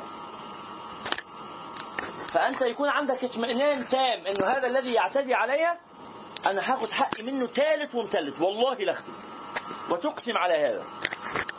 وإن ربنا سبحانه وتعالى يقول هيقول لك يوم القيامة ويكون عندك يقين في هذا أن الله سبحانه وتعالى يقتص لك منه مضاعفا حق ليه؟ لأن الذي اعتدى عليك هذا لم يعتدي على إنسان إن عادي إنما اعتدى على إنسان في ذمة الله. عارف لما أقول مثلا يا والله المثل الأعلى فلان في حمايتي. فيجي حد يضرب فلان معناه إيه؟ كأنه ضربنا. لا ده أنت هتشوف بقى. ده مين ده اللي بيعتدي على رجالتي؟ ولله المثل الأعلى سبحانه وتعالى. نعم. ممكن نصلي جماعة في البيت بس هذا ينقص أجرنا لا نحظى به على الأجر التام. فما سنها رسول الله صلى الله عليه وسلم لأمته إلا لتكون آه، سببا لهم إلى الفوز بالخير والنجاة من الشر الواقعين في ذلك الوقت والحال. فمن أهملهما ثم بعد ذلك ناله مكروه أو حيل بينه وبين محبوبه فلا يلومن إلا نفسه. طب في أذكار كثيرة قوي أذكار في وقت الضحى أذكار في وقت إذا لما الشمس تشرق تقول إيه لما الشمس بتغرب بتقول إيه ما بين المغرب والعشاء بتقول إيه بعد العصر بتقول إيه بعد الفجر بتقول إيه بعد العشاء بتقول إيه لما تيجي تنام لما تيجي تاكل لما تيجي تشرب لما تيجي تلبس الثوب لما تيجي تقلع الثوب لما تيجي تلبس النعل طب لما تيجي تقلع النعل طب لما تيجي تقابل واحد من الناس ما شفتوش من زمان طب لما أذكار كثيرة جدا جدا. جمعها سيدنا الشيخ يحيى بن شرف الدين النووي في كتاب اسمه الأذكار. كتاب الأذكار للإمام النووي. هذا الكتاب يجب أن يوجد في كل بيت. الإمام النووي كاتب ثلاث كتب لازم يوجدوا في كل بيت. ما ينفعش بيت يخلو منها. إيه هم يا شيخ عمر؟ قول لنا عليهم. الأربعين النووية بشرحها. هو نفسه الشيخ شرحها الأربعين النووية بشرحها للإمام النووي. الحاجة الثانية كتاب الأذكار. والحاجة الثالثة رياض الصالحين. هذه الكتب الثلاثة للإمام النووي لازم تكون موجودة في كل بيت مسلم. وممكن الله المستعان يعني نعقد مجلس مثلا كده بعد رمضان لقراءة كتاب الأذكار. هو كتاب بسيط جدا. يعني حضرتك تقرأه مع نفسك يعني تفهم منه كتير. بس إحنا ممكن نعمل مجلس نقرأه علشان نشرح معاني الكلمات اللي فيه في الآيات والأذكار والإيه والأحاديث الواردة عن النبي صلى الله عليه وسلم التي لا نفهم معانيها. يعني تعرفون دعاء سيد الاستغفار مثلا. اللهم أنت ربي لا إله إلا أنت خلقتني وأنا عبدك وأنا على عهدك ووعدك ما استطعت أعوذ بك من شر ما صنعت أبو أبو يعني أعترف. أبوء لك بنعمتك علي وأبوء ذنبي فاغفر لي فإنه لا يغفر الذنوب إلا أنت. هذا الدعاء يحتاج إلى يعني شرح كثير وتأمل كثير لمعانيه. فنسأل الله التيسير ربما لو ذكرتمونا يعني نطلب من أحد إخواننا المشايخ في المدرسة أو يعني مع حضراتكم كده نقعد إحنا نقرأ هذا الكتاب نجد فيه نفعا كبيرا إن شاء الله. لكن حتى هذا الوقت لو سمحتم اقتنوا هذا الكتاب واقرأوه مع نفسكم كده.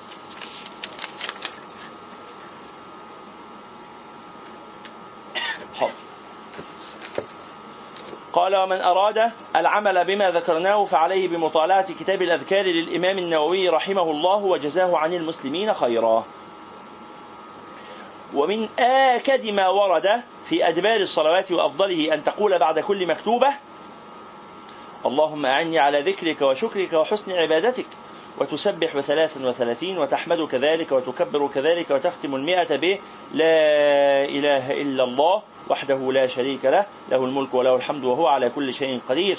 وهذه الكلمة بزيادة يحيي ويميت. يعني لا إله إلا الله وحده لا شريك له له الملك وله الحمد يحيي ويميت. له الملك وله الحمد يحيي ويميت وهو على كل شيء قدير. عشر مرات. تقولها وأنت ثان رجليك وقبل أن تتكلم بعد صلاة الفجر والعصر والمغرب. النبي عليه الصلاة والسلام كان بعد صلاة الفجر وبعد صلاة المغرب لا يتحول عن هيئته التي كان عليها في تشهده إلا أن يقول لا إله إلا الله وحده لا شريك له له الملك وله الحمد يحيي ويميت وهو على كل شيء قدير عشر مرات. فإذا ما أتمها تحول عن هيئته يعني يربع بقى رجله أو يفردها أو أي حاجة ويتم الإيه؟ أذكار الصلاة. فهمتم الفرق؟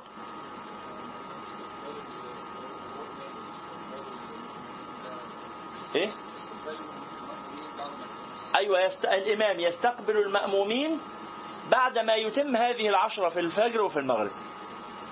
فحضرتك لما بتصلي منفرد أو بتصلي في جماعة ما تقومش بعد الصلاة. تفضل قاعد في المغرب وفي الفجر. تفضل قاعد على نفس هيئتك إلى أن تقول هذا الذكر. لا إله إلا الله وحده لا شريك له. له الملك وله الحمد. يحيي ويميت. وهو على كل شيء قدير عشر مرات. ثم تربع رجلك بقى أو تبص للناس أو تمددها أو أي حاجة. إزيك يا إبراهيم أخبارك الحمد لله تمام. وترجع بقى ممكن تكمل أذكارك. سبحان الله 33 والحمد لله. الأول أستغفر الله ثلاث مرات. أستغفر الله أستغفر الله أستغفر الله. اللهم اني على ذكرك وشكرك وحسن عبادتك. سبحان الله وبحمده عدد خلقه ورضا نفسه وزنة عرشه ومداد كلماته. ثم 33 تسبيحة و33 تحميدة و33 تكبيرة. ثم لا إله إلا الله وحده ولا شريك له له الملك وله الحمد وهو على كل شيء قدير. فهمتم هذا؟ طيب هذا مرة أخرى هذا الذي نقول يا إخواني وأخواتي يحتاج إلى عمل. لو سمحتم نحتاج إلى أن نطبقه. يحتاج إلى أن يكون سلوكا في حياتنا. تبقى عادة. كتاب الأذكار لما إحنا نقراه إن شاء الله كتاب كبير قوي فيه أذكار كتير قوي فحد يقول وأنا هحفظ الأذكار دي كلها أه هحفظها بس مش كلها مرة واحدة. هنتظم لمدة ثلاث أربع أيام أسبوع في ذكر. دائم عمري ما أسيبه. لمدة أسبوع كامل. الأسبوع اللي بعده أنا خلاص الذكر ده أصبح جزء من عاداتي اللي بعملها بشكل تلقائي وأنا مش واخد بالي أو هضيف عليه حاجة ثانية أضيف عليه حاجة ثالثه أضيف عليه حاجة رابعة لغاية أما ألاقي يومي اتسبغ من أوله لآخره كده بالاذكار اللي أنا كلها حافظها عن ظهر قلب وكلها بعملها بلا تفكير أنا متعود عليها راقب. راقب. لأنها ستصبح. وراقب. لا. ع- راقب أفكارك لأنها تصبح أفعالك. وراقب أفعالك. لأنها ستصبح عاداتك وراقب لأنها ستحدد. فالأول أنا عندي فكرة أهو اسمها الأذكار في اليوم والليلة. لازم أفضل أفكر في الموضوع ده كتير عشان احوله لعمل بالمناسبة إحنا كنا قد اتفقنا في اللقاء السابق إن حضراتكم هتجيبوا أوراق علشان نتبادلها نتبادلها فيما بيننا. من أتم كتابة هذه الأوراق التي اتفقنا عليها تفضل برفع يده واحد اثنين ثلاثة أربعة خمسة ستة سبعة ثمانية. تسعة. تسعة. والباقين والباقيات لم ينجزوها. جزا الله خيرا من يعني آه، أكرمه الله سبحانه وتعالى فأنجز هذا. لكن في أحد الإخوة اقترح علي اقتراح جميل جدا جربته بنفسي ووجدته يعني شديد النفع إن شاء الله. كلنا معانا آه، أو يعني أظن أغلبنا كلنا معانا الأجهزة هذه التليفونات آه، الحديثة أو التليفونات الذكية التي يتم وضع بعض البرامج عليها. أو التطبيقات يعني تطبيقات المحمول هناك تطبيق جيد جدا اسمه قمر الدين. قمر الدين. من لم يستعمل هذا التطبيق من قبل أنا أنصح به جدا. يعني ما كنتش أعرفه حد من إخواننا قال لي إنه ده أفضل. يعني كنت بعمل لحضراتكم ورد محاسبة. يعني عشان كل واحد فينا يبقى معاه الورد ده من باب حاسبوا أنفسكم قبل أن تحاسبوا إن الواحد ما يتركش نفسه كده هملا لأنه لا يستقيم مع ال... فبدل يعني الأخ قال لي بدل ما يتم تجهيز هذا الشيء ورقيا والناس صعب حمل الورقة والورقة ضاعت ووقعت وما يعني صعب في هذا الزمان إيه مش سهل قوي الاحتفاظ بالأوراق. فالاسهل الاحتفاظ بهذا الشيء من خلال الايه تطبيق الموبايل. ف فجربته. نزلته عندي على التليفون وجربته فوجدته شديد النفع. شديد النفع. أرجو إن حضراتكم تعملوا. اسمه قمر الدين. وضروري أرجوكم قبل المرة اللي جاية يعني النهارده إيه؟ ثلاث بكرة عندنا المحاضره النهارده مباشرة بعد المحاضرة فورا ادخلوا على الإنترنت ونزلوه أو لما تروحوا البيت أو فورا اعملوه عشان بكرة يكون موجود على أجهزتكم إن شاء الله. عشان يعني في حاجات كده هتزودوها عليكم ربنا يحفظكم بدل الورق نعم. اتفضل نعم. نعم. نعم. نعم. نعم. نعم. الله أكبر. كلها في- تطبيق سهلة جدا جميل جدا جميل. ربما ربما كتاب الإمام النووي أظن هيكونوا عاملين تطبيق الأذكار من خلال كتاب الإمام النووي. يعني كتاب الإمام النووي هتلاقوه كتطبيق. متقسم كده ومتفهرس وبتاع. يعني اعملوا المسألة دي يا جماعة. الأذكار والأوراد عبارة عن إيه؟ عبارة عن فكرة. ففعل فعادة فمصير. حتى ألقى الله تعالى على ذكر. عايز تموت وأنت بتقول لا إله إلا الله؟ واحد من أصدقائنا علمنا كده واحد من الناس يعني أصحابنا اللي هم من أساتذتنا. ما هو الواحد ساعات بيبقى له أساتذة. أسن منه وساعات يبقى له أساتذة قده وساعات يبقى له أساتذة أصغر منه. يعني ممكن واحد صاحبك يبقى أستاذك. خلاص؟ والله سبحانه وتعالى أكرمنا بكثير من هؤلاء إنه صاحبي بس أستاذي. إزاي ان هو رجل يعني نحسبه من أهل الايه التقوى. فكان واحد كل ما يعني يحصل اي موقف نلاقيه تلقائي كده لا اله الا الله لا اله الا الله لا اله الا الله. فنستغرب فنقول له إيه؟ فيقول اني احب ان أموت على لا اله الا الله. فان النبي عليه الصلاة والسلام يقول من كان اخر كلامه من الدنيا لا اله الا الله دخل الجنة. فنقول له بس إحنا ما كناش بنموت ده إحنا كنا بن يعني عادي يعني. نعمل أي حاجة. يعني العربية مثلا في عربية فجأة جت في وشنا. في مثلا آه، واحد سرع شوية بالعربية. هو ما بيقولهاش خوفا برضه يعني وكده وجزع. لا عادي هو بيقولها بشكل طبيعي. فإحنا نتعجب منه فذكرنا ساعتها بهذا المعنى. اللي بتتعود عليه هو اللي بتموت عليه. اللي بتتعود عليه اللي عايز تتعود عليه أول حاجة اعمله. اعمله مرة مرتين. بس أنت قبل ما تعمله لازم تعرفه. هي مراحل بقى متدرجه فهمت يا إخواني؟ فلما اتعود على ذكر ادخل على الثاني لغاية ما اتعود عليه ادخل على الثالث فاستصحب الأذكار واحدا بعد واحد لغاية ما ابقى متعود على الخمسين ذكر. وابقى متعود على المئة ذكر في اليوم والليلة. عادي. نعم. في تطبيق أذكار الإمام النووي؟ آه. كتاب الأذكار للإمام النووي. التطبيق اسمه إيه؟ الأذكار. كتاب الأذكار للإمام النووي. اكتبوا على Play Store ولا App Store واكتبوا حضراتكم بس تطبيق الأذكار النووي بس بعد قمر الدين. قمر الدين أساسي جدا. قمر الدين. نعم. قال ومن آكد ما ورد في أدبار الصلوات وأفضله أن تقول بعد كل مكتوبة اللهم أعني على ذكرك وشكرك. آه انتهينا من هذا. ثم قال ومن ذلك أن تقول إذا أصبحت وإذا أمسيت سبحان الله وبحمده مئة مرة وسبحان الله والحمد لله ولا إله إلا الله والله أكبر. كذلك ولا إله إلا الله وحده لا شريك له له الملك وله الحمد وهو على كل شيء قدير في كل يوم مئة مرة. ثم قال واجعل لك وردا من الصلاة على رسول الله صلى الله عليه وسلم فإنها وصلة بينك وبين نبي الله صلى الله عليه وسلم. وباب يفيض عليك منه المدد بواسطته من حضرته عليه الصلاة والسلام. وقد قال صلوات الله وسلامه عليه من صلى علي مرة صلى الله عليه بها عشرا. وقال عليه الصلاة والسلام أحبكم إلي وأقربكم مني مجلسا يوم القيامة أكثركم علي صلاة. وقد أمر الله تعالى في كتابه العزيز بقوله يا أيها الذين آمنوا صلوا عليه وسلموا تسليما. فامتثل واستكثر منها ولا تستقلل واجمع بينها وبين السلام وصل على آله معه. الإمام الشافعي رضي الله تعالى عنه وأرضاه كان يقول أكره الصلاة المبتورة إيه الصلاة المبتورة أن تقول اللهم صل على محمد أو اللهم صل على سيدنا محمد وتسكت. هذه اسمها الصلاة المبتورة فلا تصلي على النبي صلاة مبتورة يبقى ما هي الصلاة التامة غير المبتورة أن تقول اللهم صل على سيدنا محمد وعلى آل سيدنا محمد. أن تجمع الآل مع معه صلى الله عليه وسلم في الصلاة. اللهم صل على سيدنا محمد وعلى آله وصحبه وسلم. وأكثر منها في ليلة الجمعة ويومها خصوصا لقوله عليه الصلاة والسلام أكثروا من الصلاة علي في الليلة الغراء واليوم الأزهر. صلى الله عليه وعلى آله وصحبه وسلم والحمد لله رب العالمين. ثم قال فصل وينبغي أن يكون لك ورد من التفكر. يبقى مرة أخرى يا إخواني وأخواتي أوراد الأذكار هذه. قرأناه نحتاج إلى أن نقرأ المزيد من خلال كتاب الأذكار للإمام النووي. نحتاج بعد القراءة إلى التطبيق ولو قليلا. ولو قليلا إلى أن تصبح عادة فنضيف إليها تطبيق فعل جديد. فيصبح عادة ففعل ثالث فيصبح عادة ففعل خامس فيصبح عادة ففعل خمسين فيصبح عادة. حتى إنه يعني أحد المشايخ في المسجد كنا نلاقيه بعد صلاة الفجر في الاعتكاف. نلاقيه بعد ما يخلص الايه الصلاة يقوم إيه مميل. بعد ما يقول الأذكار اللي قلنا عليها كده يقوم يتكئ كده. ويفضل قاعد كده شوية. فاحنا مش عارفين إيه ده. فالشيخ يفضل صاحي مش نايم. يفضل متكئ كده. خلاص. فنتعجب من هذا. فده بعد صلاة الفجر قبل ما قبل صلاة الصبح. يعني في الفاصل بين إيه؟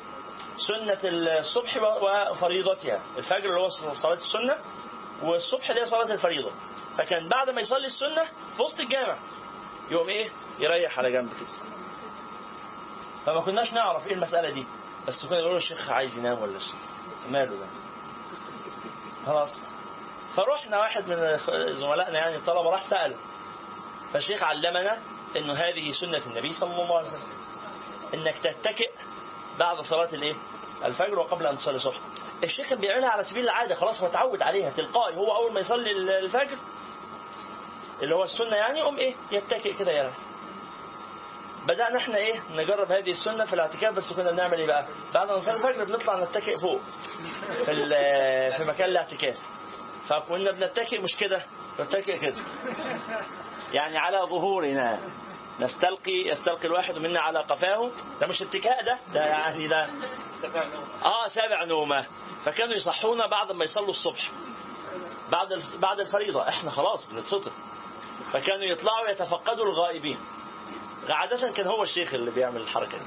فيطلع يلف على الأخباء يكشف خباء خباء. فإحنا تلامذة الشيخ. فاللي يلاقيه فينا نايم يقوم إيه؟ مصحي. يلا. يلا يا أنس. يلا يا إبراهيم. يلا يا خالد. يلا يا حسين. يقومنا. علشان خاطر كنا صغيرين يعني. علشان نتوضا ونصلي بقى لأن إحنا كده مش اتكأنا. إحنا يعني اتكلنا. ها الشيخ علمنا إن لا ما نعملش كده. نوم وبالمناسبه الاتكاء مع مع إغماض العين. لا الاتكاء مع أغماض العين. إلا لمن خشي أن ينام. فلا يغمض عينيه إلا لمن خشي أن إحنا ما كناش نعرف كم. فإحنا إحنا عجبنا موضوع الاتكاء الصراحة. فقلنا نتكئ. نطلع نتكئ نص ساعة فوق.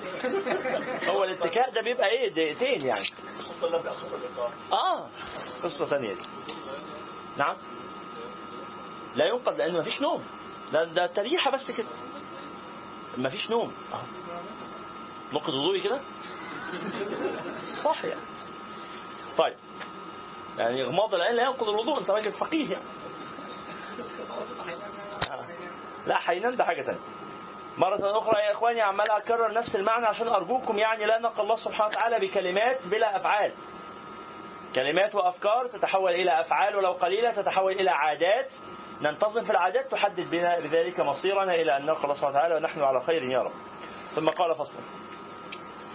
وينبغي ده الورد الخامس بقى. قبل الفصل طيب؟ قبل الفصل يلا. المرة اللي فاتت كنا لكل ذكر أثر معين علاج يعني مرض قلبي كنا بسير بقى حاضر إن شاء الله. حاضر. شايف حاضر. الخصوم إيه؟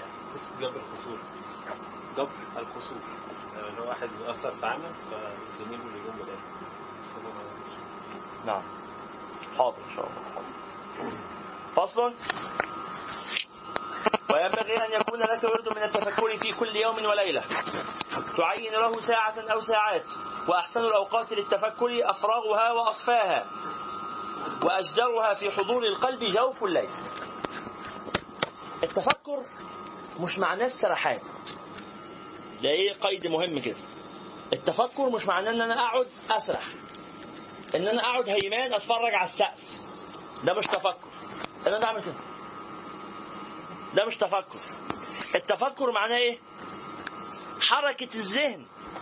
في جلال الله في جمال الله في ذنوبي في معاصية في ماضية في مستقبلي. مستقبلي اللي هو الآخرة مستقبلي اللي هو الجنة أو النار. هو ده التفكر. قال واعلم أن صلاح الدنيا والدين موقوف على صحة التفكر. ومن أعطي حظه منه أخذ بحظ وافر من كل خير. وقد ورد في الأثر تفكر ساعة خير من عبادة سنة. هذا حديث موضوع. لكن الشيخ ما قالش ده حديث قال ده أثر. معنى طيب. وفعلا هو معنى طيب. فعلا هو معنى طيب جدا. إيه؟ نعم. لا مش كتير ولا حاجة. ليه مش كتير؟ لأنه عبادة سنة مع قلب غير حاضر فيها أجرها محدود جدا لا يكاد يوجد. وتفكر ساعة بقلب حاضر أجره هائل جدا لا يكاد يحصى. تفكر بدون ذكر. تفكر حركة الذهن. نعم. وقال علي كرم الله وجهه لا عبادة كالتفكر وقال بعض العارفين أنتوا كلكم معاكم الكتب صح؟ جميع معاه الكتب؟ اللي مش معاه الكتاب يا جماعة يتحرك خطوة يمين وشمال عشان اخوه نورة أنت مش معاك الكتاب. يلا اتحركي تعالي جنب حد من أخواتك يبقى معاها الكتاب. أختك اللي جنبك مش معاها الكتاب برضه. يلا اتحركي تعالي جنب حد معاه الكتاب من أخواتك. انتقلي انتقلي خطوتين ثلاثة كده تعالي هنا. ادخلي جنب ال- ال- الاستاذ بتاع ده اهي الاستاذ إسراء معاه يمكن الكتاب الاستاذ رحاب. يلا. وسعوا البعض يا جماعة ربنا يحفظكم. بسم الله. قال واعلم أن صلاح الدنيا والدين موقوع. انتهينا من هذا. ثم قال وقال علي كرم الله وجهه لا عبادة كالتفكر. وقال بعض العارفين رحمهم الله الفكر سراج القلب. فإذا ذهبت يعني ذهبت ذهب التفكر الفكرة سراج القلب. فإذا ذهبت فلا إضاءة له. إذا لم يكن القلب متفكرا فهو قلب مظلم. تعرفون السراج؟ مصباح. إذا لم يكن القلب متفكرا فهو قلب مظلم. نسأل الله السلامة والعافية. قال ومجاري الفكر كثيرة. مجاري الفكر يعني المجالات اللي المفروض الواحد يتفكر فيها. فمنها وهو أشرفها أن تتفكر في عجائب مصنوعات الله الباهرة وآثار قدرته الباطنة والظاهرة. تقعد كده تتخيل جوه دماغك كده وتفكر في النجوم في الكواكب في الفلك في الأنهار في المحيطات في الأشجار في الغابات في الحيوانات في البهائم في العجموات في القطط في الكلاب في الأسود. ناشونال جغرافي بالضبط. إنك تعيش التجربة دي جوه دماغك. إنك ترى يعني في في شعار جميل قوي يجيبوه في National Geographic في برنامج اسمه الحياة البرية. الحياة البرية. الشعار بتاع البرنامج الإعلان البرومو ده لما بيجي يعلنوا عنه يقولوا إيه؟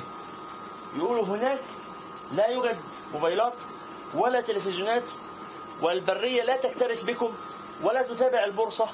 ولا آه، تعرف حيواناتها ما الذي حدث في سوق المال العالمي؟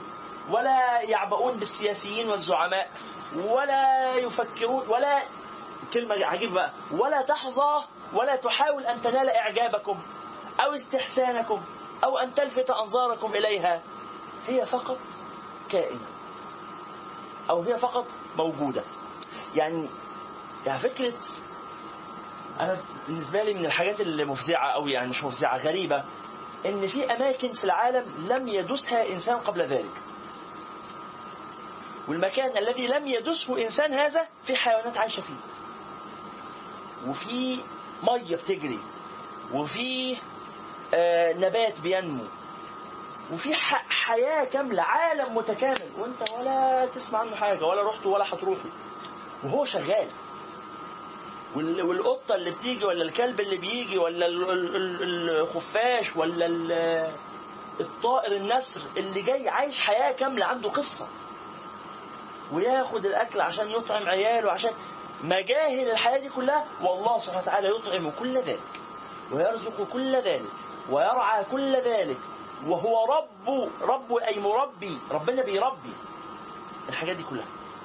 أنت لما بتربي قطة في البيت تبقى عامل قصة يا وأكلت وما أكلتش وراحت وجت و لو بقوا قطتين خمس قطط خمسين قطة خمسمائة قطة. مليون إنسان. أقول لكم شيء غريب.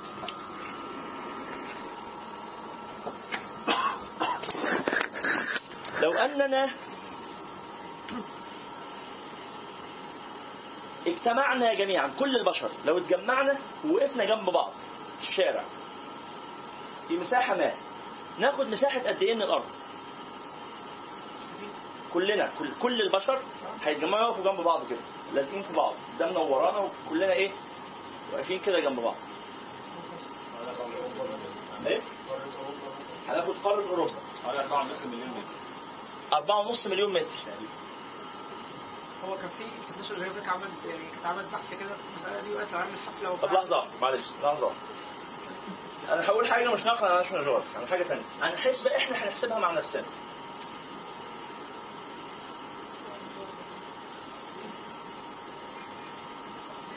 مصر مساحتها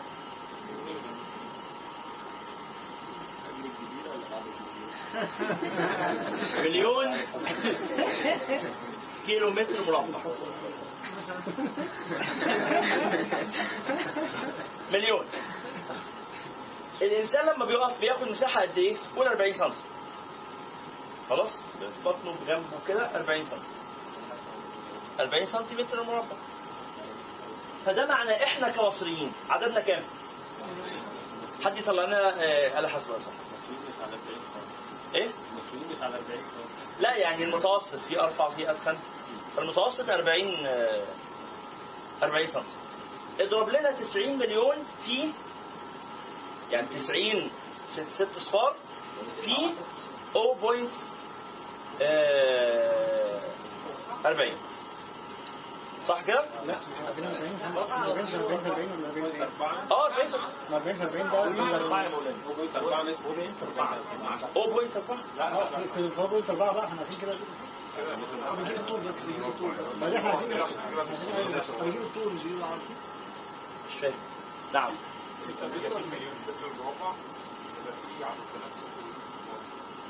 ماشي؟ ماشي ماشي. فإيه بقى؟ عايزين نوصل ليه عايز عايز أقول الت...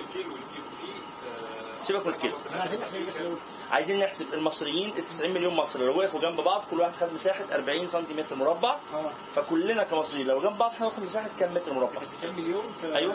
في؟ بكام سنتيمتر مربع بقى اللي هي بالظبط.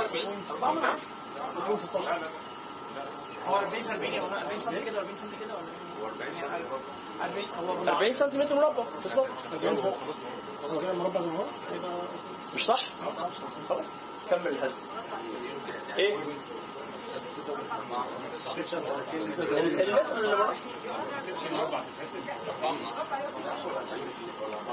مش سامع يا دكتور اسمعوا كده؟ المتر المربع بياخد فيه بيقف فيه 2 ونص. مظبوط.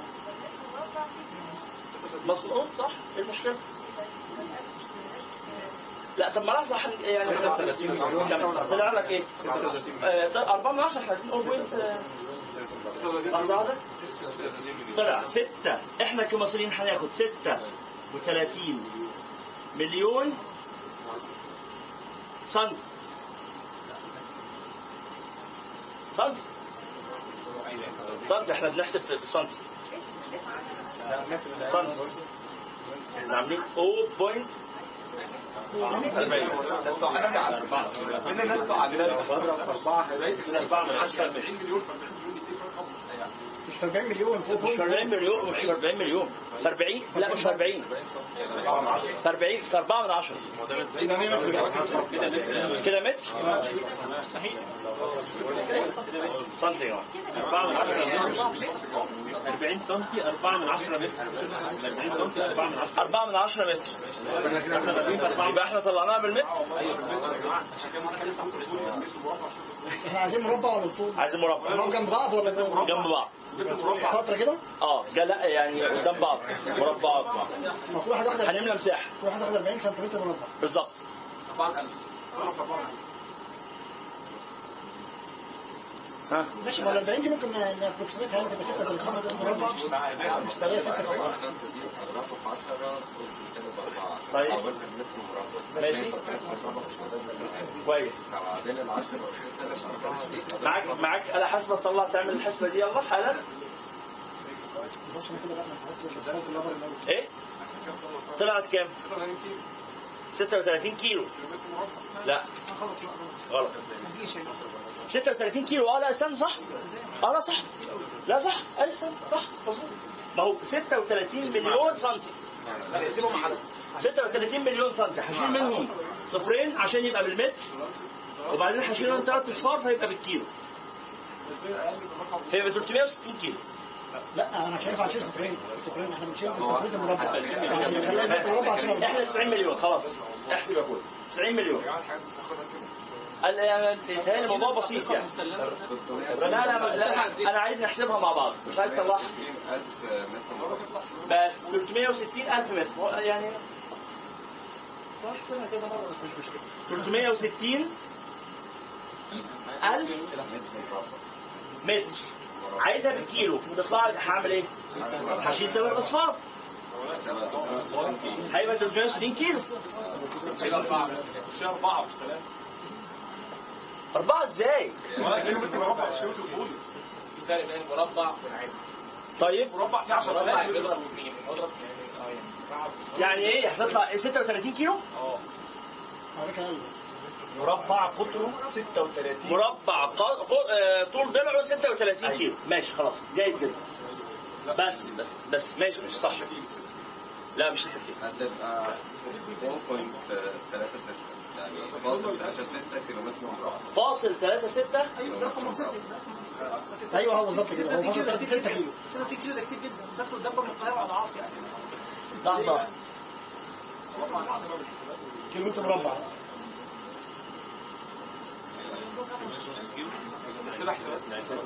طيب. خلاص. طب لحظة واحدة بس. لا أنا أنا الحسبة اللي كنت عاملها كانت أكتر من كده بس ماشي. ده ده يعني أكتر يعني. ده يدل على المعنى أكتر. خلاص يا جماعة. طلع معانا كده 0.36 للكيلو. يعني كده 360 متر يعني كده 360 رقم مش مظبوط هي هي هي يا جماعة أنا كنت عاملها والله صدقوني 36 آه لا هو مش رقم افتراضي هو رقم حقيقي 36 هو هو هو هو 36 هو لو مفيش فرق ما بين كيلو متر square وكيلو متر square الكيلو ده كده كده unit على الأقل. يعني ما بضربش لا لو هي كيلومتر مربع لو هي متر مربع زي كيلومتر مربع طيب طيب علشان بس ما نتحولش إلى يعني هي 36 أنا مش عايز مكعب لا البتاع ده هو المكعب. أنا مش عايز مكعب أنا عايز مربع. إحنا عايزينه مربع مش عايزين مكعب. فيبقى لحظة واحدة بس كده صلوا على النبي. مش هشيل 10000 هشيل آه، مش هشيل 10000 هشيل 1000 بس. هشيل 1000 بس. لكن يعني على كل حال إحنا بنتكلم في 36 كيلو. 36 كيلو من مليون كيلو. يعني كام إلى كام؟ مش هحط أربع اصفار من ناحية جنب جنب بعد الكومة.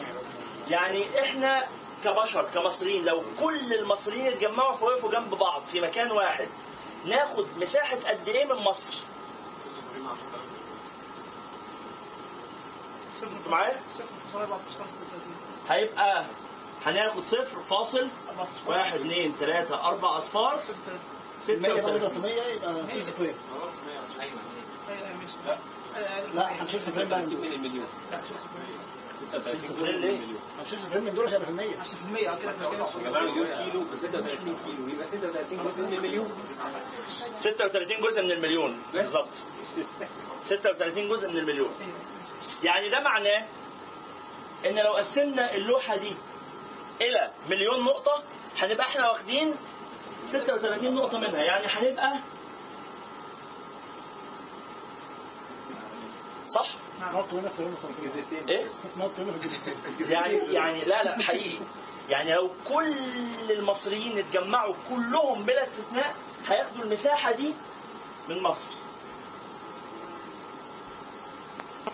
إحنا دلوقتي الواقع الفعلي بعماراتنا بعربياتنا بشوارعنا بحدائقنا بكل ده. واخدين مساحة قد إيه؟ 4% من مساحه مصر بكل حاجة بالعمارات بال يعني إحنا لو من غير العمارات لو بأجسامنا بس هناخد مساحة اتفقنا على إيه؟ 36 من مليون. 36 من مليون. يعني البلد فاضية جدا. الدنيا واسعة قوي بس الدنيا دي مش مصر بس إحنا ده مصر كمثال وعليه فقيسه. فبس المشكلة فين؟ الدنيا واسعة قوي بس إحنا حاسب عشان اقعد. وهو جاي عمال اعمل كده في محمد العقاد. حاسب عشان اقعد يا محمد. يا عم الدنيا واسعه لا أنا عايز اقعد هنا. لا خلاص ما تقول زي اللي بيركن في parking فاضي خالص وجاي زي اللي بيركن في parking فاضي بالظبط وبيحضن فعمال يخدش في العربيات وهو بيحضن إحنا بنعيش الدنيا كده.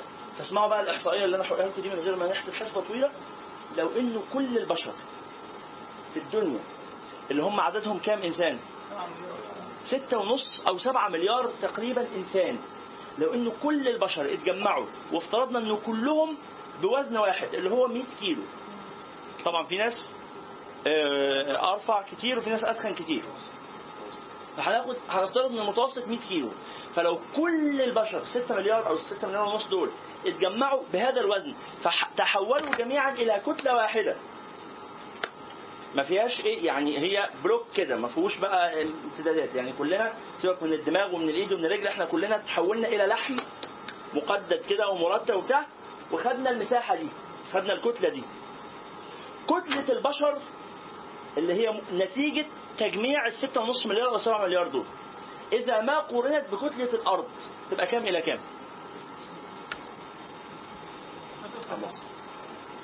هو ده الرقم المذهل بقى. يعني الأول أنتوا أنتوا فهمتوا الرقم بتاع مصر استوعبتوه؟ الرقم الثاني بالنسبة لي مذهل جدا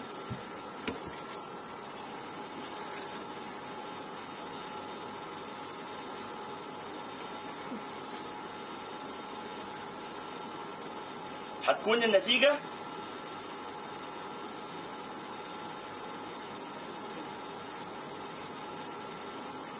مين من حضراتكم راح الهرم الأكبر. راح آه، شاف هرم خوفو عن قرب. واحد اثنين ثلاثة أربعة خمسة ستة سبعة ثمانية تسعة 10 11 12 13 ده عدد آه، سبحان الله. طب مين ما راحش؟ واحد اللي ما راحوش. واحد اثنين ثلاثة أربعة خمسة ستة سبعة ثمانية تسعة عشرة. ما فاتكوش كتير يعني ما تروحوش لأن مفيش حاجة تتشاف. يعني هو بتاع إيه؟ آه. المهم. آه ده نفس المشكلة التحدي القديم. طيب.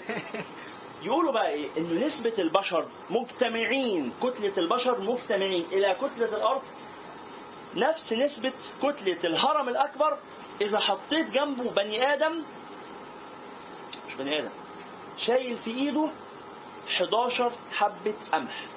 ال 11 حبة قمح دول هم البشر. كل البشر مقارنة بالهرم الأكبر اللي هو الأرض. فهمتم؟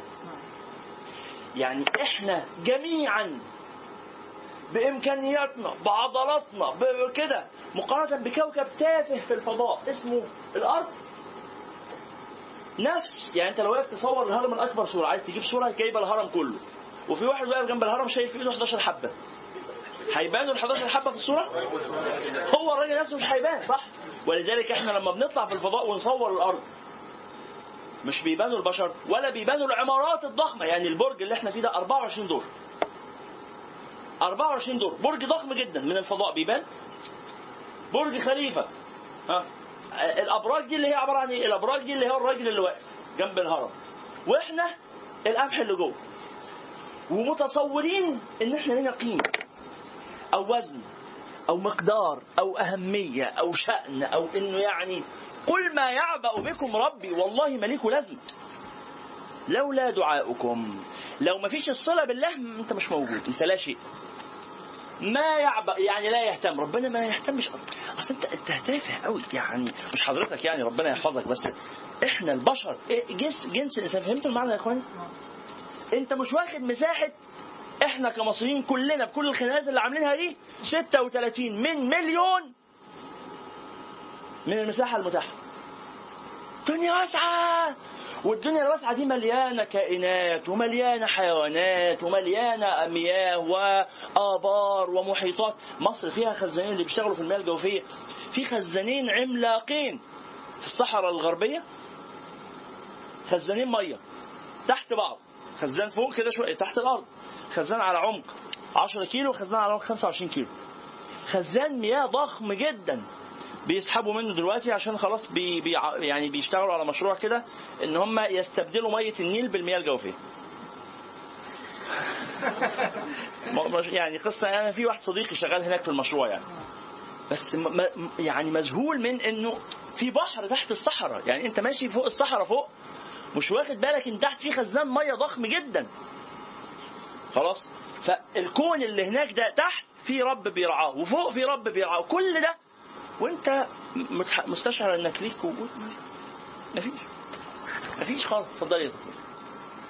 طيب إحنا يعني ورد الفكر ده محتاجين نفصل فيه الكلام فأظن إن إحنا هنقرأه المرة اللي جاية إن شاء الله. فاتفضلي حضرتك.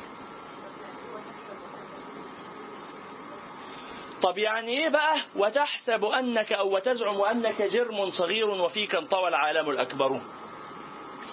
يعني هذا الكون بكل ما فيه فيك سر من كل شيء فيه.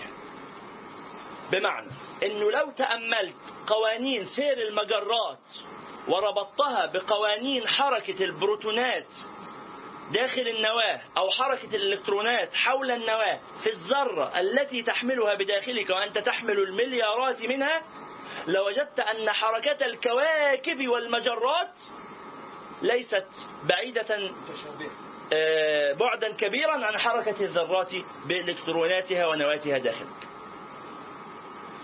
إنه الكون على ضخامته مركب فيك يعني أنت ديمو نموذج مصغر للكون. من نموذج هذا هو المعنى. إنه حركة ال ال الدم في جسمي لو افتكرت الخزانات اللي هناك دي فأذهلتني أفتكر حركة الدم في جسمي فهي مذهلة برضه؟ فالربط بينهما. إنه كل ما في الكون وكل ما فيه أنا مرتبط منسجم. هو يعني صورة مكبرة ومصغرة. عارفين حضراتكم العادي قلت لكم قبل كده لما بمسك طفل صغير أحمله لسه مولود من يوم أو يومين بستغرب جدا. يكون طفل لسه مولود يوم يومين حاجة كده فأول ما أشيله بكون في غاية العجب. ليه؟ لأنه مخلوق شبه البني آدمين بالظبط. يعني بقول والله العظيم شبه البني يعني بالظبط. يعني عنده عينين شبه العينين بتاعتنا وعنده إيدين أبص على إيديه كده.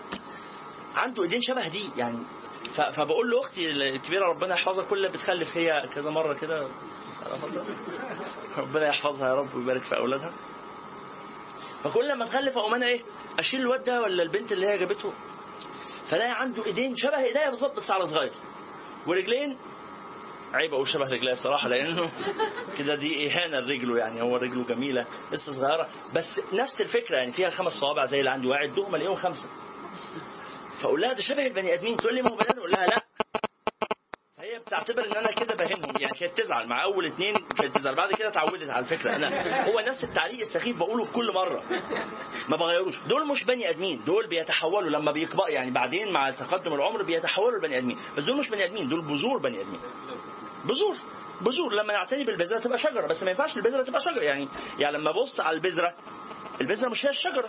مش هقول على البذرة إن هي شجرة دي بذرة. فدول بذرة بني آدم. احتمال يبقى بني آدم في المستقبل ربنا ي- ينفخ في صورته. هي ما بتتقبلش الفكرة بس أنا بالنسبة لي كده. إنه إحنا الكون نموذج مصغر. فهم نموذج مصغر مننا وهكذا. سيدنا آدم كيف كان حجمه؟ ستون ذراعا. الذراع كام سنتي؟ 56 سنتي. يعني قول 60 سنتي. يعني سيدنا آدم كان طوله قد إيه؟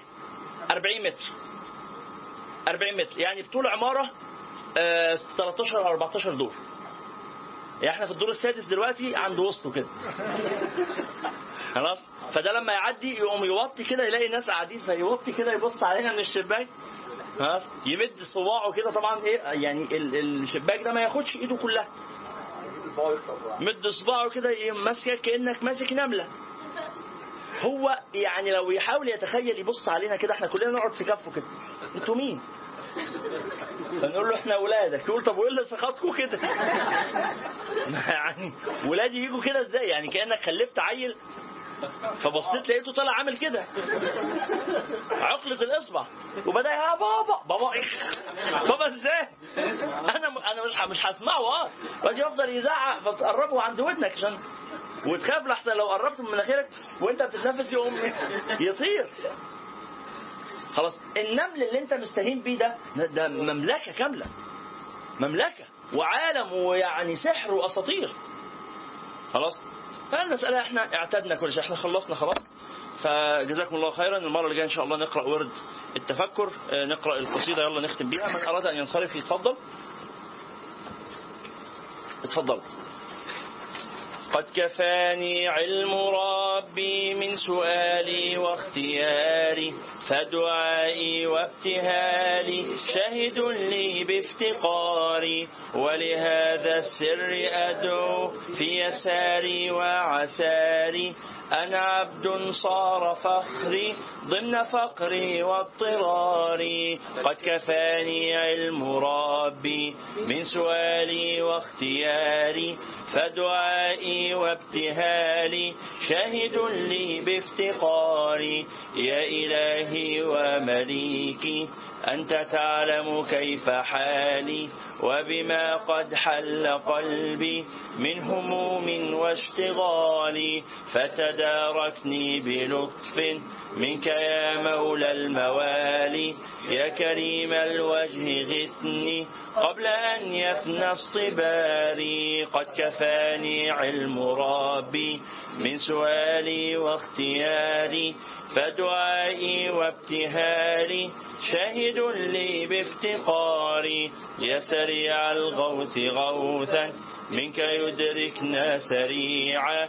يهزم العسرى ويأتي بالذي نرجو جميعا. يا قريبا يا مجيبا يا عليما يا سميعا قد تحققت بعجزي وخضوعي وانكساري قد كفاني علم ربي من سؤالي واختياري فدعائي وابتهالي شاهد لي بافتقاري لم أزل بالباب واقف فارحمن ربي وقوفي وبوادي الفضل عاكف فأدم ربي عكوفي ولحسن الظن لازم فهو خلي وحليفي وأنيسي وجليسي طول ليلي ونهاري قد كفاني علم ربي من سؤالي واختياري فدعائي وابتهالي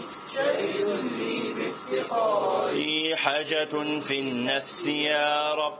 فاقضها يا خير قاضي وارح سري وقلبي. من لظاها والمضاب في سرور وحبور. وإذا ما كنت راضي فالهنا والبسط حالي وشعاري ودثاري قد كفاني علم ربي. من سؤالي واختياري فدعائي وابتهالي شاهد لي بافتقاري ولهذا السر أدعو في يساري وعساري. أنا عبد صار فخري ضمن فقري واضطراري. قد كفاني علم ربي من سؤالي واختياري. فدعائي وابتهالي شاهد لي بافتقاري. اللهم صل أفضل صلاة على أسعد مخلوقاتك سيدنا محمد وعلى آله وصحبه وسلم. عدد